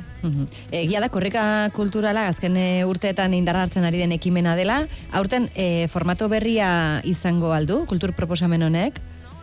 Aurten e, badator berrikuntzaga korrika kulturala bera izan be aurrekoan e, korrika beka sorkuntzarako beka martzan jarri gendun eta bado ikuskizuna izan zan sariduna eta benduaren batean printzipal antzokian gazteizen e, estreinaldia egingo dugu. Hori izango da hogeta irugarren e, korrikaren korrika kulturalaren e, ba, ikuskizun nagusiena. Behin gazteizen estrainaldia eginda Euskal Herriko antzoki askotan ikusteko aukera egongo dana. Hane, e, beraz, jendeari entrenamenduetan azteko amua behintzat jarri diogu, e, esan dugu martxoaren amalautiko geita laura egingo dela, irunen hasi eta baionan amaitu, arro herri, e, lelo hori izango du. Hauek dira gaur azaldu dituzuenak, baina oraindik ere ez, kantua eta bideoklipa eta ibilbidea eta hoe guztiak aurrera goiakin araziko aldituzu, eh? Hori da, gaur emon dugu, ba, amu txikitxo bat, ez da, jentea, e, gizartea, herria, bera, arro herri hori pizten hasteko eta urrengo hilabeteetan ere etorriko dira berri gehiago. Hmm, Hane, e, zai zai egoten gara ez da, kantua zein izango da, eta batez ere, e, korrika eta euskaltzale askorentzat ezinbesteko itzordua izaten da, eta ibilbidea e, gure herritik, gu inguruan gauden leku hortatik, noiz eta ze ordutan pasako den jakitea. Hori noiz jakingo dugu? Ba hori jakiteko apur bat itxaron beharko dugu, abendu erdira aldera kantaren berri emongo dugu, eta behin mm gabonak pasatuta ibilbidea jakinaraziko dugu. Zuentzat, antolakuntzan zabiltzaten ontzat, hilabete lanpetuak aldatoz aurretik, ane?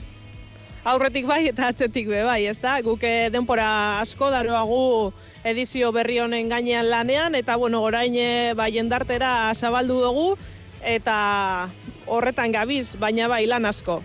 Ba, nean elordi, eh? E, martxoaren amalautiko geita laura egingo da, irunen hasi, bai honan amaitu, arro herri leloa, eta aipatu duzu azterketak euskaraz e, taldekoa komenduko dituzu, eh? Iparaldeko ikasleek azterketak euskaraz egiteko duten e, eskubidearen alde borrokan ari den kolektiboa. Hane, hane elordi, korrekaren koordinatzailea, eskerrik asko. Eskerrik asko zuei.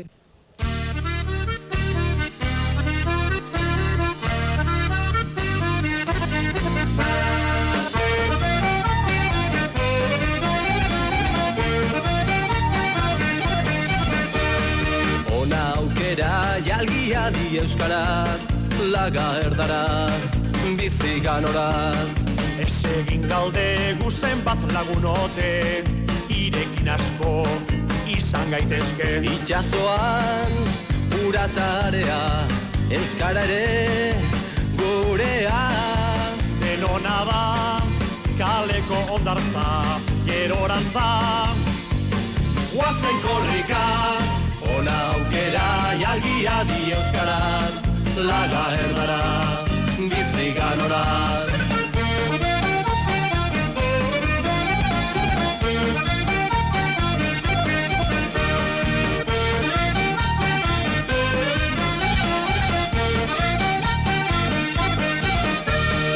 Ona aukera jalgia di euskaraz Utzi erdara, bizi ganoraz Denon izerdiaz Eginak hasi bide erdia. Basoetan pinu zapagoa Euskara da geroa. Lazar badi karrikako jana Euskalduna. Guazen korrika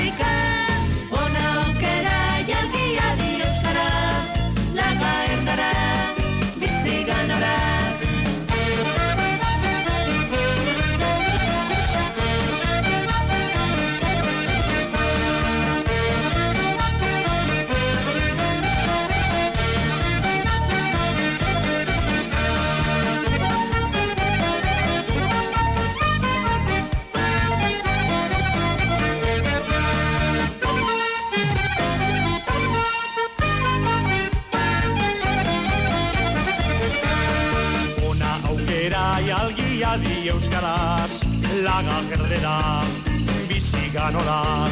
Eskuz esku eta azkar pausoa, egin dezagun, bide osoa. Aizez doaz, kantuta oiuak, jaso denok, eskuak, gure zuak, Euskararen garra, elmugarak, guazen korrika, ona aukera, jalgia di euskaraz, laga erdara, bizi ganoraz, ona aukera, jalgia di euskaraz, laga erdara, bizi ganoraz.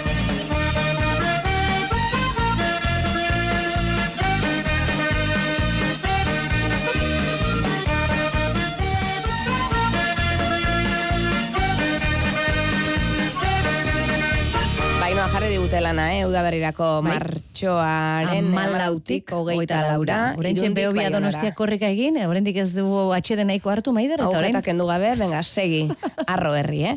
E, Basko Navarro trenera saltu egingo dugu, berehala izango da hori, baina azken e, kulturritzordu batera aipatu nahi dugu, durangoko azoka benduaren seitik amarera egingo da, urtero bezala landakon, eta dakizuenez, aurten fantasia izango da gaia. Eta fantasia horri helduta, adimen artifizialaren bidez hainbat artista eurenak ez diren doinuak kantatzen jarri dituzte azokatik. Mhm. Ea, e, ezagutzen duzuen hau, eh? Nor da hau? Gitarra zindu, ta ikusi katurik badua, onon baita eskutua. Eatza bihuritu, ea norbait ekastua dua, akorde minoren bat. Ta mine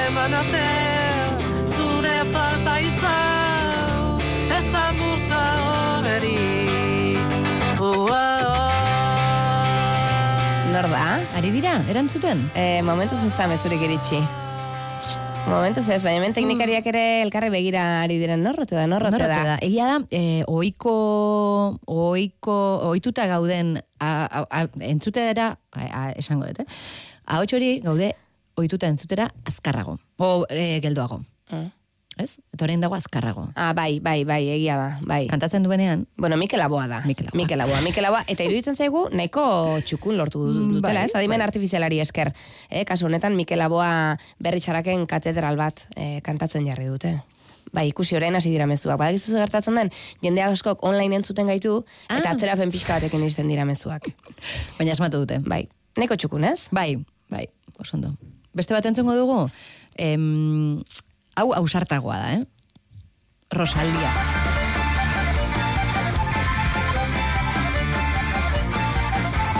Emundian gura, burua, erdiko kaletan, salikan, kantu izan da, Zer diozu? Ai, ai, ai, horregatik bai, igual, baina kantaera bera, ez dakit banik. Akaso hizkuntzak ere egingo du horre, baina, ez. Josune Rosalia hor dago, eh? A, agian da Josune, badakizu orain mia bitan zaritu dela. Misto bihurtu du Bai, bere mia. Bai, Akaso hau da Josune berria. agian hori da. Bueno, ba, hauxe da, eh? Durangoko azokak adimen artifizialarekin egin duen jolasa Michael Jackson gatibu kantatzen eri jarri dute, eta Durangoko azoka iragartzeko basaretan ikusi dugun, azken amua, eta orain bai, eh? Basko Navarro trenera salto egin behar dugu. Bizi un euro denak emanda da estatu zurruta da bakoitza zaindu azken tantaraino. Una nueva bebida que solo comprobarla todo te saldrá bien. Lakturale eta edan bizitza. Zaren hori, mila bider zabaltzeko, mila bider indartzeko, mila bider izateko. Digital, Euskaldun, Seguru eta Ausart. Lau bider aukera, lau eurotan. Eskuratu zure puntu eus domenua soilik lau euroren truke, azaroaren hogeia baino lehen, iru bebikoitza puntu puntu eus webgunean. Bada beste modu bat erretirorako aurrezteko. Azalpen harri ezan bardu. Etorkizuna nola planifikatu ondo uler dezazun. Dena azaltzen dizu norbaitek soilik lagun diezazuke erretirorako aurrezten. Gure gestoreek adibidez, laboralkutxaren biziaro aurreikuspen planak. Azaldu, ulertu, erabaki. Laboralkutxa, bada beste modu bat. Gozatu lorategia zudazken honetan. Aduna Gardenen, aurkitu ezazu behar duzun guztia, zure landare eta balkoiak profesional batek bezala zaintzeko. Jarri itzazu prest zure kanpoko espazioak eta eman bizia zure etxeari. Zatoz Aduna Gardenera, zubitxiki amasei, edo deitu, bederatzi lau iru, bederatzi iru, 0 iru, bosta 0 telefonora. Arrainak bihotzean, Marmar Teatro Konpainiaren eskutik iritsiko da kultur lehioara. Martik bidaia bat egingo du itxasondoan zehar, eta horretarako arrainen eta beldurren hizkuntza ikasi beharko du. Datorren igandean, azaroak emeretzi arratsaldeko zeietan. Sarrerak salgai 6 euroan kultur lehioako lehiatian eta bebekan. Lehioako udala. Bilbo Zaharra Forum, jazaroaren amazazpian, ostirala, arratsaldeko zazpietan, bidegarri eta liburutegian, Bilboko alde zaharrean, Mikel Urdangarin, hitza eta musika, sarrera doan. Gogoratu, jazaroaren amazazpian, Bilbo Zaharra Forum, Bilbao, New York, Bilbao, lehen irulleko jardunaldiak. Antolatzailea Bilbo Zaharra Euskaltegia, Laboral Kutsaren Bilboko udalaren eta Bizkaiko foru aldundiaren laguntzarekin. Ametxegin sortu eraldatu Deustuko Unibertsitateko ingeniaritzekin etorri eta ezagutu gaitzazu. Bilbon matematikako ingeniaritza dugu berri eta lingua arloak, biomedikoa, digitala, industria eta diseinua. Eta donostian informatika, datuen zientzia eta dimen artifiziala. Eman izena informazio saioetan eta ezagutu gure emezortzi ingeniaritzak deusto.eus barra ingeniaritzak webgunean. Estena pornografikoen euneko laurogeita zortzi koma bin agertzen da emakumeen aurkako indarkeria fisikoa edo hitzezkoa. Pornoarekin lehen hartu emanak izateko batez besteko adina, ama bi urte da. Pornoa emakumeen aurkako indarkeriaren eskola da. Ez genuke sexu ezik eta pornoaren esku utzi behar. Azaroako geita bost emakumeen aurkako indarkeria desagerrarazteko nazioarteko eguna. Emakunde Eusko Jaurlaritza Foru Aldundiak eta Eudel.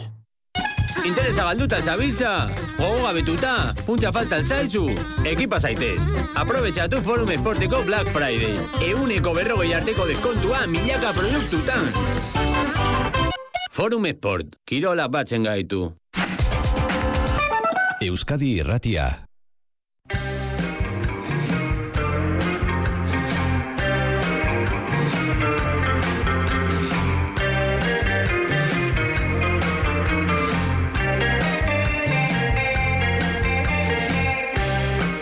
Xabi Bujanda, kaixo egunon. Kaixo egunon. Zuk ez zenuen ezagutu, e, Basko Navarro trena. Zezu jaiotzerako ja geldi zegoen, aspaldian zegoen geldi gainera. Baina lan mardula eskaini diozu, e, izan zen trenari. Zergatik, Xabi?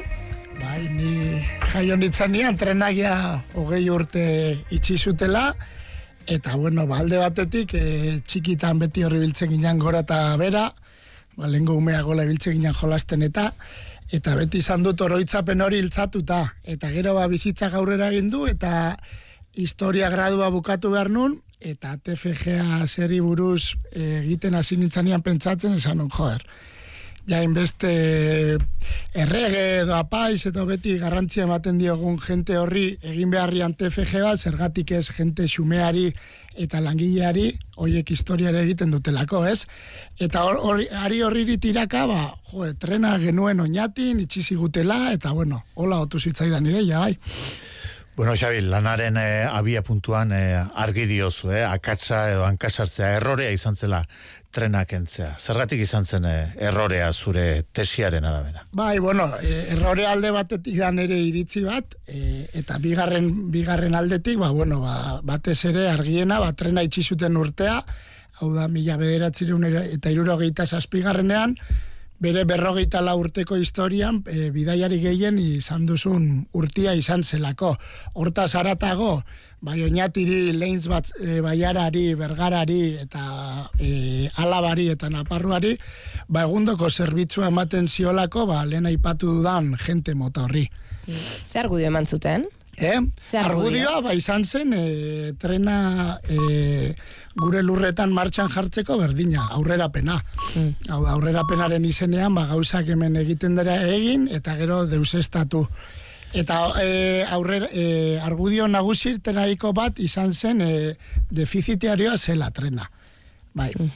Naiz eta esan duzun, e, itxi zuten urtean, irurogeita zazpian, inoizko bidaiari kopururik e, altuena izan zuen. Bai, hori da. Bai, eta defizitarekin, ba, bueno, trenak eukizuen e, suerte txarrena, izan zen, ba, gerra zibila bukatu zala Espainin hogeita emeretzian, eta gero ba, rekonstruitzen hasi orduko estatua, ba, ba hor le, lehentasun gehiago zeudela, ez, esan dezagun, eta horrek e, zuk ez baituzu egiten behar diren inbertsioak, egin behar diren momentuan, ba horrek dakar defizita areagotuz, dareagotuz, dareagotuz joatea.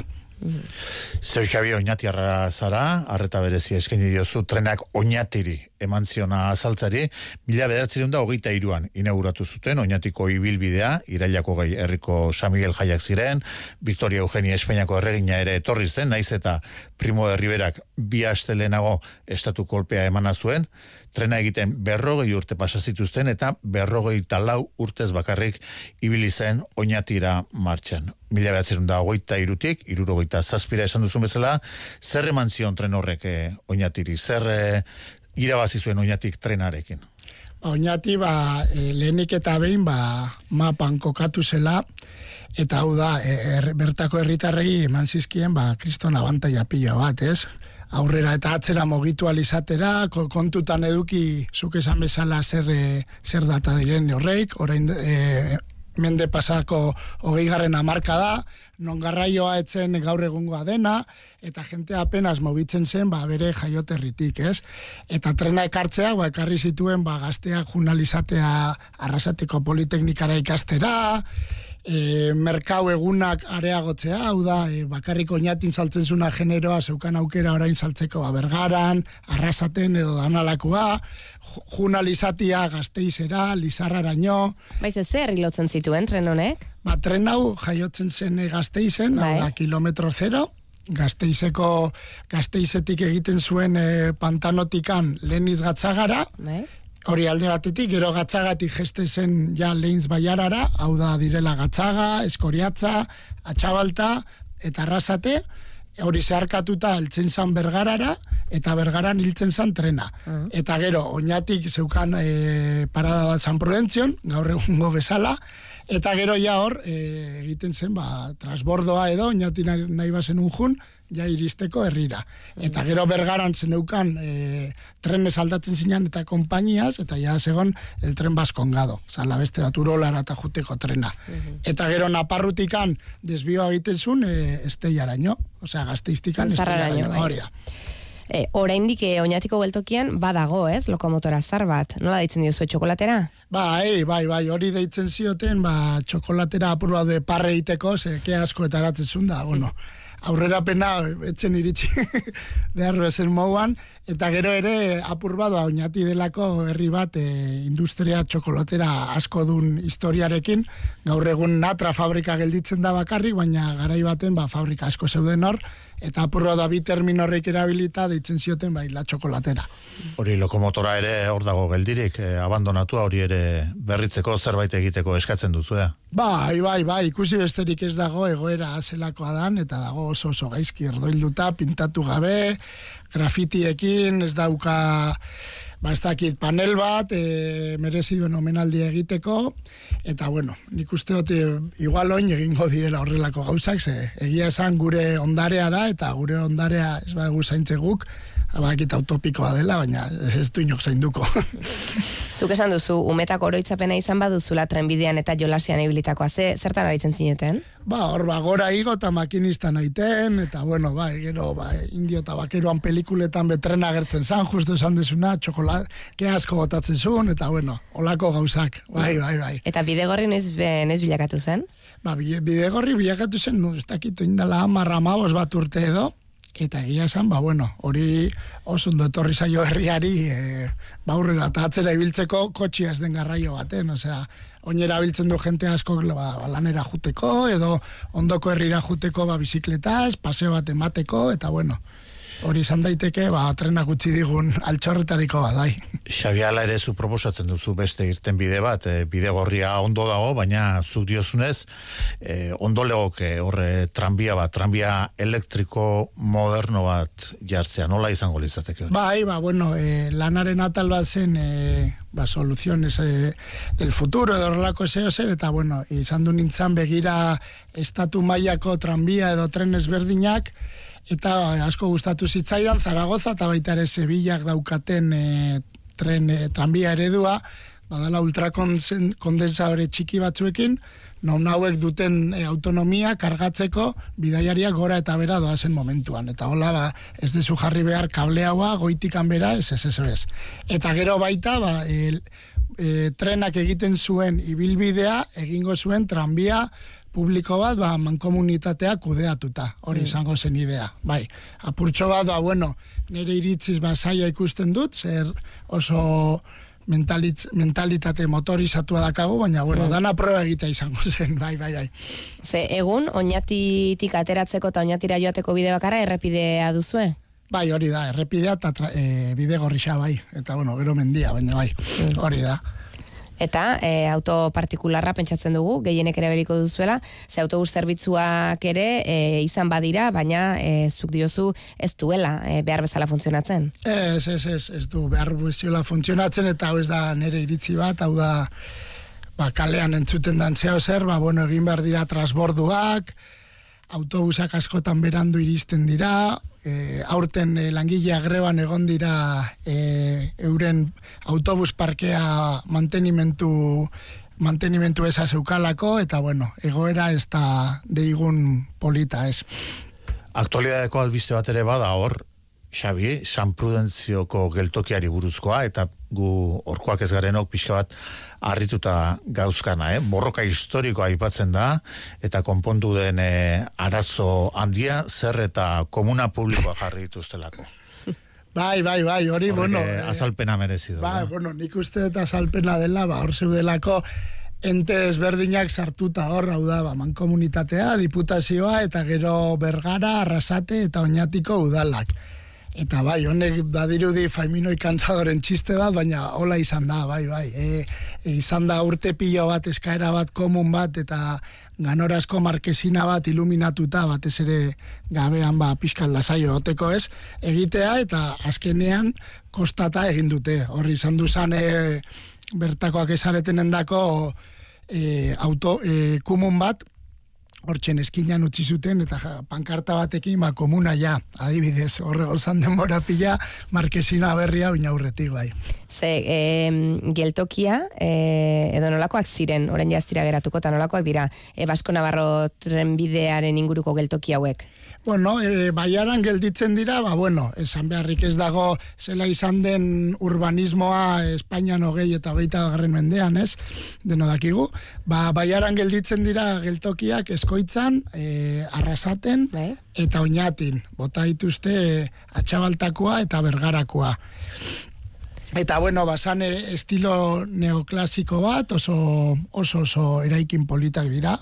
Oraindik mantenitzen dira oinatin eta arrasaten, e, gainera zerbitzua emanez, oinatiren kasuan korreos e, egoitza zentrala da, eta arrasaten orain gutxi inemeren e, bulegoak zeuden hor. Eta eskoriatzeko erabiltzen da uste dut, e, udaletxekoek e, birrigadakoak eta gauza gordetzeko, okerrez banago, eh?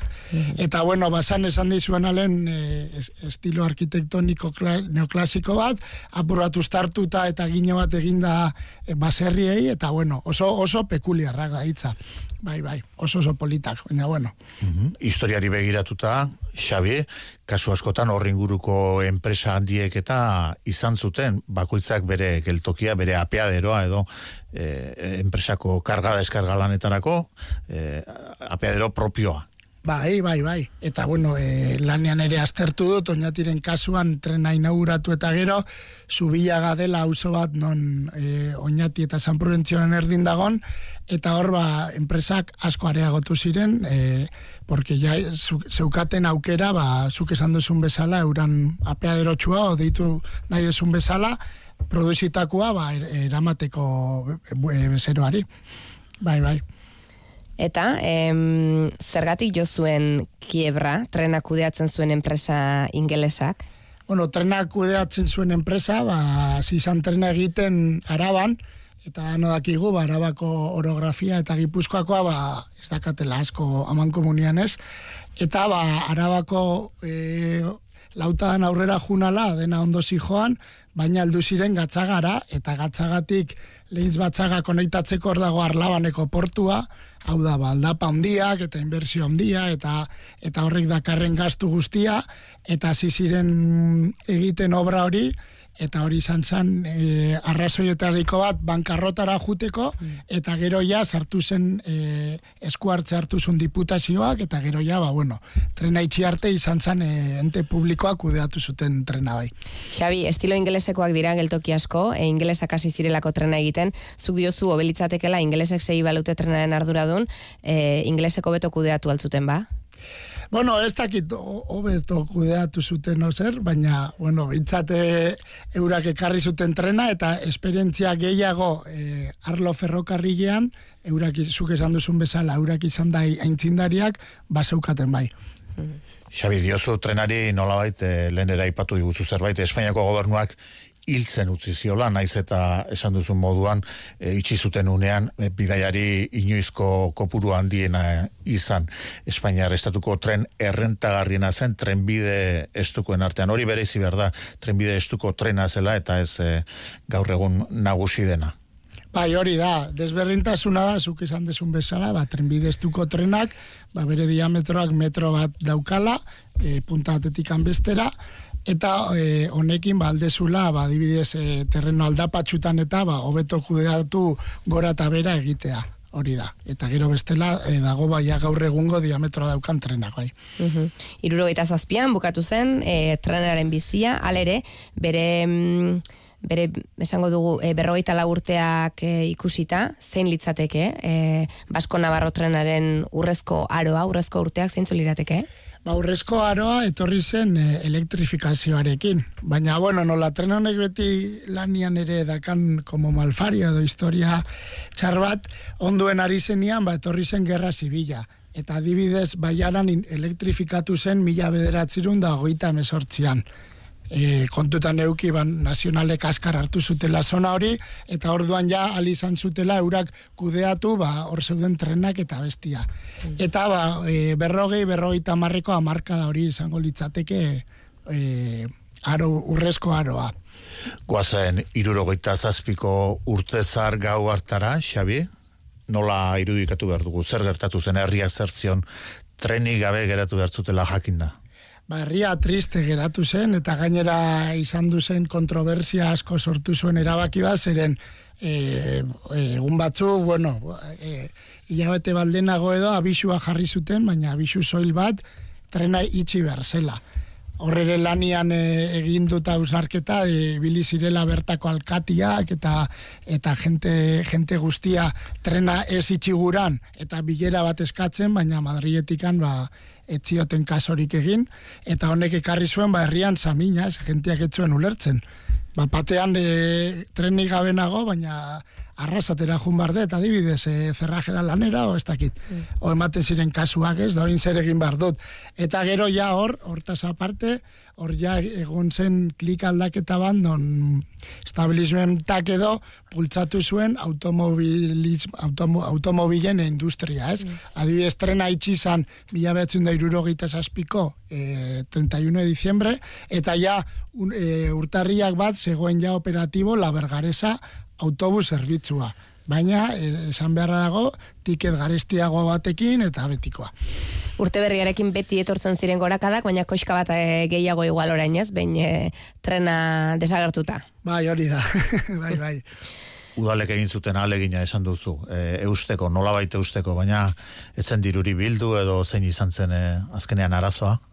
Ez, e, azkenean, bueno, erdikazo ero egin zioten Madrietik eta esan zioten, bueno, ez dugu txiko trena, baina daukazute hiru hilabete e, presentatzeko proiektu bat, non izan behar den viable ekonomikoki, e, langile aldetik, e, infrastruktura eta dena. Basekiten hauek ia au- aurrez, e, hori ia imposible zela egitea, eta hauek bai bili ziren e, afektatutako udalak eta ente guztiak eta hori dana e, saiatu guran, baina ez zuten lortu, hau da dirua eta behar ziren baliabide danak. Eta orduan e, itxi egin zuten trena bai betirako. Orain bete dira egun urte, irailean esan dugu, e, oinatira trena iritsi zenetik, ari zarete ez da, zerbait antolatu nahian urtea maitu horretik. Bai, bueno, aurten bai izan zen pixka gauza gola dira, koinzidituzun e, oinatiko jaiekin, herri eguna, eta ba, azkenean, ba, jaiak jaiak dira, eta etzen justo efemeride hortan ez ere egin. Eta gero ba, e, etara ditugu ba, bai, ba, postal eta seio batzuk, daudela turismo bulegoan saltzen, gero Juan Jola Izola ere, ba, hemendik bezarka bat, ze lan hau egiten asko lagundu dit, eta ba, asko dakin pertsona bada, eta beti irekita laguntzeko, berak emango du hitzaldi bat, ba, berak ni baino asko sobeto daki hau guztia, eta gero ere, ba, egingo dugu txangotxo bat, ze oraindik badaude oinatitikan, ba, eraikitako zubi batzuk erabiltzen dirala, beste zubi batzuk ez direla erabiltzen, da bueno, horrelako zeo zer badago. Eta gero behar bada, e, erakusketa bat ere ingo dugu bai. Zuzeu personalki, irudikatzen zaitu, Xabi, e, oso tren zale, ez dakit e, txikitandik e, hostailuzko trenekin, eta ez dakit bildumaren bat igual izango duzu hor. Ba, bueno, uste dut, bai, euki, ez naiz gogoratzen, eukiko nun, eh? tren jostailun bat edo, baina, bueno, ez, bai izan da trena, ba, beti gustatu zaidan e, garraio bide bat, hori bai. Hogeita masei urte dituzu. Bai. Zure lagunekin partekatze alduzu. Em, afizio hau esango dugu. Ba, bueno, Edo hoi- zer diote zure hoi lagunek? lagunak e, nire lanan inguruan eta ba, hasi dira galderak iten, eta bueno, guri gure belaunaldiko eri ere, hau gai hau oso egiten zaigu pleistozenokoa, ez dakizu, naiz da espasa inbeste urte. Eta bueno, ba, bai, ba, egin dizkiate galdera batzuk, eta hausnartu izan dugu horri buruz, eta bueno, alde hortatik posina bai. Ze etxean hitz egin duzu tren ora erabili zutenekin? Ba, hitz egin dut batzukin, baina la- lana egiteko orduan saiatu naiz e, oroitzapenetik tira egin behar baino, ba, ba gehiago, ba, ba zifrak eta zeo ze zientifikoa egite. Ja. Eta gaur egun ba kaletikan gehatzen didate, bai. Somatzen bai. zaitugu, Xabi, tristura puntu batekin, eh? trenaren iraganaz hitz egiten duzunean. pixka. Bai, nostalgiko eterno, ba, baina bueno, hori ja. Ez dauka konponbiderik horrek. ez, ez, ez, jain zuten dakitxo, bai. Eta lan hau eh, hemen geratuko da? Ba, ba, ez dakit, galdetu didate askotan, zendik hau egin nun karrera aprobatzeko, eta ea argitaratuko dudan, no ez? Eta, ba, ba, ez dakit, utzi ditut ale solte batzuk e, oinatin, ba, kulturretxean, turismo buleguan eta, eta gero ba, nahi dunak, ba, bialtzen dion direla, na, baina, bai, Gaur gazteizko gure etxera joan zara, orain gazteiztik oinatira, nola itzuliko zara? autobusean. Ezin bestela, Bai, bai, eh? Hori da, bai, bai. Bai, Xabi Da markezina hori barria, bai, hortik argazki bat bidaliko izuet, bai. Bidali, bidali. Xabi Bujanda, Basko Navarro trenaren zale eskerrik asko, eh? Eskerrik asko zuei, bai. Aio. Ondo pasaba sakabil maitia, gugatik. Nere hilo bada. Begirale jardungo da zurekin. Ez pasatu. Zu esartu. Lerdo! Lerdo zu! Ei, ei, ei, ei, ei, ei! Bosko Núñez de Salazar. Zaranitaz gogoratzen? Edo zer gerta daiteke Ondo gongo zarela hemen. Hemen sentitzen naiz, seguruen. aspaldiko ezagunak berriro elkartzean. Goazen! Bihar gauean estreinaldia ETV baten. Euskal Herrian urtean irurogeita irumila tona janari doazaborontzi da. Zer egin dezakegu guk hauek iditeko? Erosi soilik behar dituzun elikagaiak. Alduzun neurrian aprobetxatu soberakinak. Prozesatu fruta eta barazkiak alferrik galdu aurretik. BBK Klima egunero. Bueltan da Zig Bilbao, Euskal Herriko arte azoka. Paper gaineko grabatuaren eta artearen nazioarteko jaialdiak berrogeita mar arte galeria inguru bilduko ditu Euskalduna jauregian, bosteun artista baino gehiagoren lanekin eta Japonia herrialde gonbidatua izani. Azaroaren hogeita irutik hogeita zira, bisita gidatuak, tailerrak, zuzeneko erakustaldiak, hitzaldiak, Zig Bilbao, Euskalduna jauregian azaroaren hogeita irutik hogeita zira. Zure arte bilduma hemen hasten da. Zure zain gaude. Informazio gehiago zigbilbao.comen. Amutxenek mila bostuen da laurogei ordu behar izan zituen neko polo aurkitzeko. Eta zuk bost mila ordu ematen dituzu zure bizitzan gauza bila. Adibidez, zure semearen poloa. Eta gero esango dugu ba. Ikean badakigu bizitza gozatzea dela, eta ordenarekin ere gehiago. Horregatik, zure Ikea dendan aplikazioan edo ikea.esen, ordenatzeko eta biltegiratzeko eunke ideia eta soluzio aurkituko dituzu. Eta behar izan ezkero, garraio zerbitzuen prezioa ere jaitsi dugu. Voy a pillarme Bizi un euro denak emanda dastatu zurruta da bakoitza zaindu azken tantaraino. una nueva bebida que solo comprobarla todo te saldrá bien. lakturale eta edan bizitza. Enpresa ekintzaileen bila gabiltza. Aiaralderako. Bi lehiaketa jarri ditugu martxan. Proiekturik onenak saritzeko. Lehen sektorean, nekazaritzako elikagaien industrian eta landar inguruneko ekonomian. Sartu azi.eus webgunean eta aurkeztu zure ekimena azaroaren amabostetik abenduaren amabostera. Eusko jaurlaritza, Euskadi, auzolana. La ermitaren legendak ateak zabalduko ditu. Cuando alguien está muy triste, imagina cosas. Belén Rueda da Carlota Peredaren film berriaren protagonista. Zerdita filmagatik goia irabazitako zuzendaria. Berezko diztira duen kultuzko filma esan dioten La Ermita. Azaroaren amazazpian soilik zinematan. EITB-den eskutik. Bada beste modu bat erretirorako aurrezteko. Azalpen harri ezan bardu? Etorkizuna nola planifikatu ondo uler dezazun. Dena azaltzen dizu norbaitek soilik lagun diezazuke erretirorako aurrezten. Gure gestoreek adibidez, laboralkutxaren biziaro aurreikuspen planak. Azaldu, ulertu, erabaki. Laboralkutxa, bada beste modu bat. Euskadi Irratia.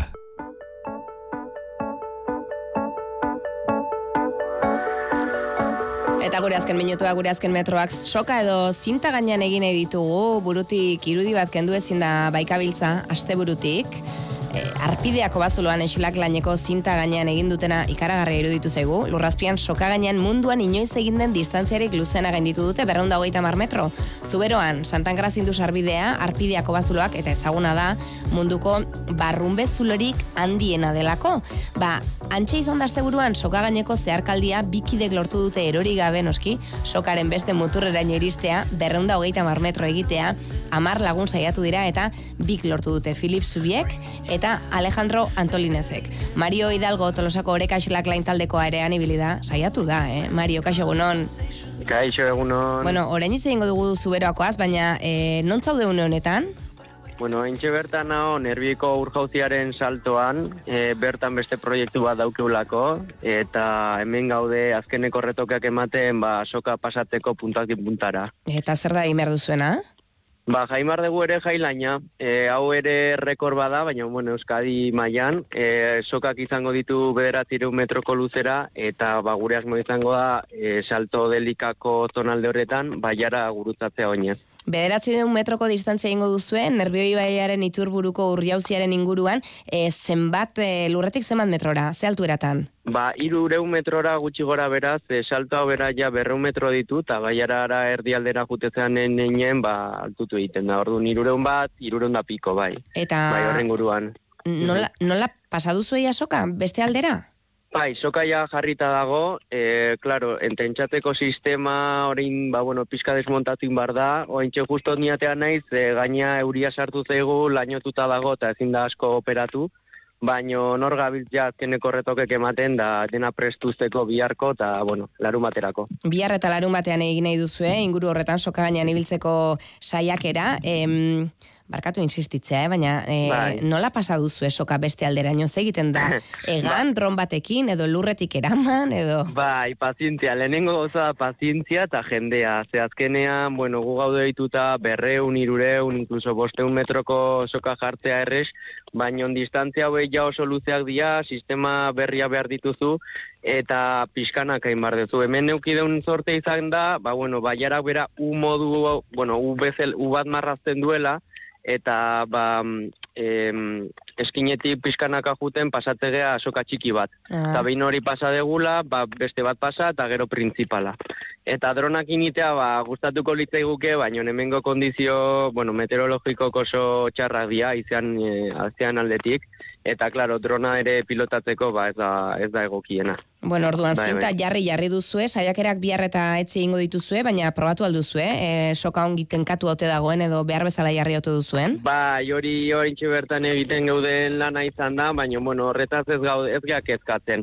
Segurtasuna lehenengo, bueno, kontuan hartzen deun lehenengo gauza da, eta da sistema bat, ba, oso oso segurua, ze bikoiztu iten dugu, edo zein puntu jartzen deula, soka bera ere bikoiztuta daude, e, anklai puntuak bikoiztuta daude, bueno, edo irukoiztuta, eta jasaten dituen tintxioa, ba, bueno, e, irure, osea, hogeita mar kilio nitutin gorakoa, ordu, bueno, barbaridade bada, bai, bai, bai. Bale, segurua Eta ja- izan bada, eta zuk probatu duzu. Bai. E, oraindik ez guztiz, baino e, bai, sokara ionez, baino ez ibiltzera, sistema batzuk desmontatzera, baino gogo askokin hau, bai, bai. Nita denak gogo askokin. Soka dio, bai, esan esan bai, ez, zaiena ez da izan azkenen e, montaia, bueno, montaia bai, ze gara hemen astelenetikan, baino pentsa, e, bueno, montaia hauek egiteko alako leku, bueno, ikonikoetan e, gehiago la- dala aurretikako lana. Ze hemen, e, bueno, hemen aktivitateak egitea adibidez nerbioien edo parke naturaletan, ba, administrazio kontuekin e, baimenak eskatu behar dira, lan asko da, eta daramatzago ba, adibidez urte. Honen, honentzako urte bat prestatzen hau dena. Eta, bueno, alde horretatik eskerrak eman nahi nion administrariei, ze, ze bueno, harreman bat sortena da, ikuste dugu e, kirol edo aktivitate ez ezaguna dela, eta pixkanaka, ba, bueno, bere hau egiten nahi dela, ez da. Mhm. Ederra egin dugu, guk ez zuberoakoaz galdetzeko deitu, eta azkenean asteburuan egingo duzuena, are ikusgarriagoa izango da.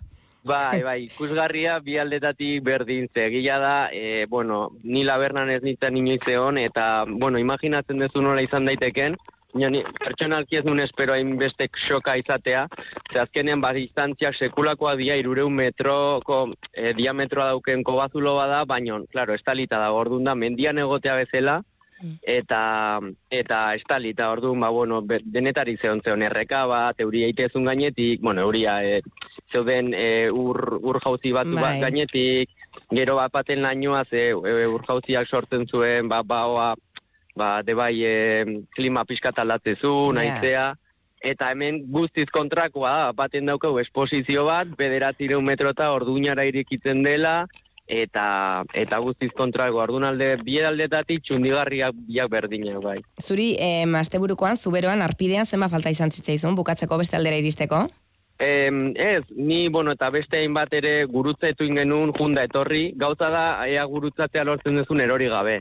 Orduan, Ah, ba, hori, iza, hori izaten da koska, ez, ba, bakarrik faio txiki bat, bakarra, berreunda piko metrotan ez erortzeko, baina gurutzatu nita da beste hainbatek eh, gurutzatu genuen Gurutzatu etorri bai. Bueno, ondo Bai. esan duzu, segurtasuna dela zuentzat eh, neurririk ezinbestekoena, eta erorita Mhm. ere sokatik zintzilik geratuko zarete, eh? Bai, Bai. azkenen da minirrapel bat bezala. Sokak ba, izaten ditu metro eta piko, orduan eh, nahiko luzea da, zuk egoki edo komodo ibiliali ezateko ez tiratzeko beraka, baina behin erorita, ba, ez darez em, hilo beharra beste hainbat metro. Ordunia besotatik hogei zentimetrotara geratzen zaizu, Mm. eta erorketa oso oso leuna da. Ze, tentsio, ibiltzezean sokaren tentsio azkenen pixkat em, aflojatu iten da, orduan oso eh, erorketa leuna da. Bai, Mario, bai. gauza bat egingo dugu, orain denborari Bai. gabe geratu gara, baina e, asteburuan bihar hasi eta e, larun batean ere e, nervio ibareiaren iturburuko urjauziaren inguruan horre bederatzireun metroko zeharkaldi bat egingo duzue, slackline diogu guk, baina zuk highline esan duzu, zuberoako Bai. arpidean ere ibilizarete, ondo iruditzen bazaizue, Mhm. gozatu asteburuaz eta aurrerago itzordua egingo dugu, e, Bai. gonbidatuko zaituzteguna miramonera, eta kaso em, hemen alegin gara, slackline Vale, egiten. perfecto, gure aldetik oso ondi, oso ondi, eta mi esker. Mario, eskerrik asko eta ondo joan dadila, eh? Venga, eskerrik asko. Aio. Aio, aio, egunon. gure highline edo slacklineko ibilbideak hemen duak abera, eh? Bihar berreunda irurogei garren faktoria magazina, jo.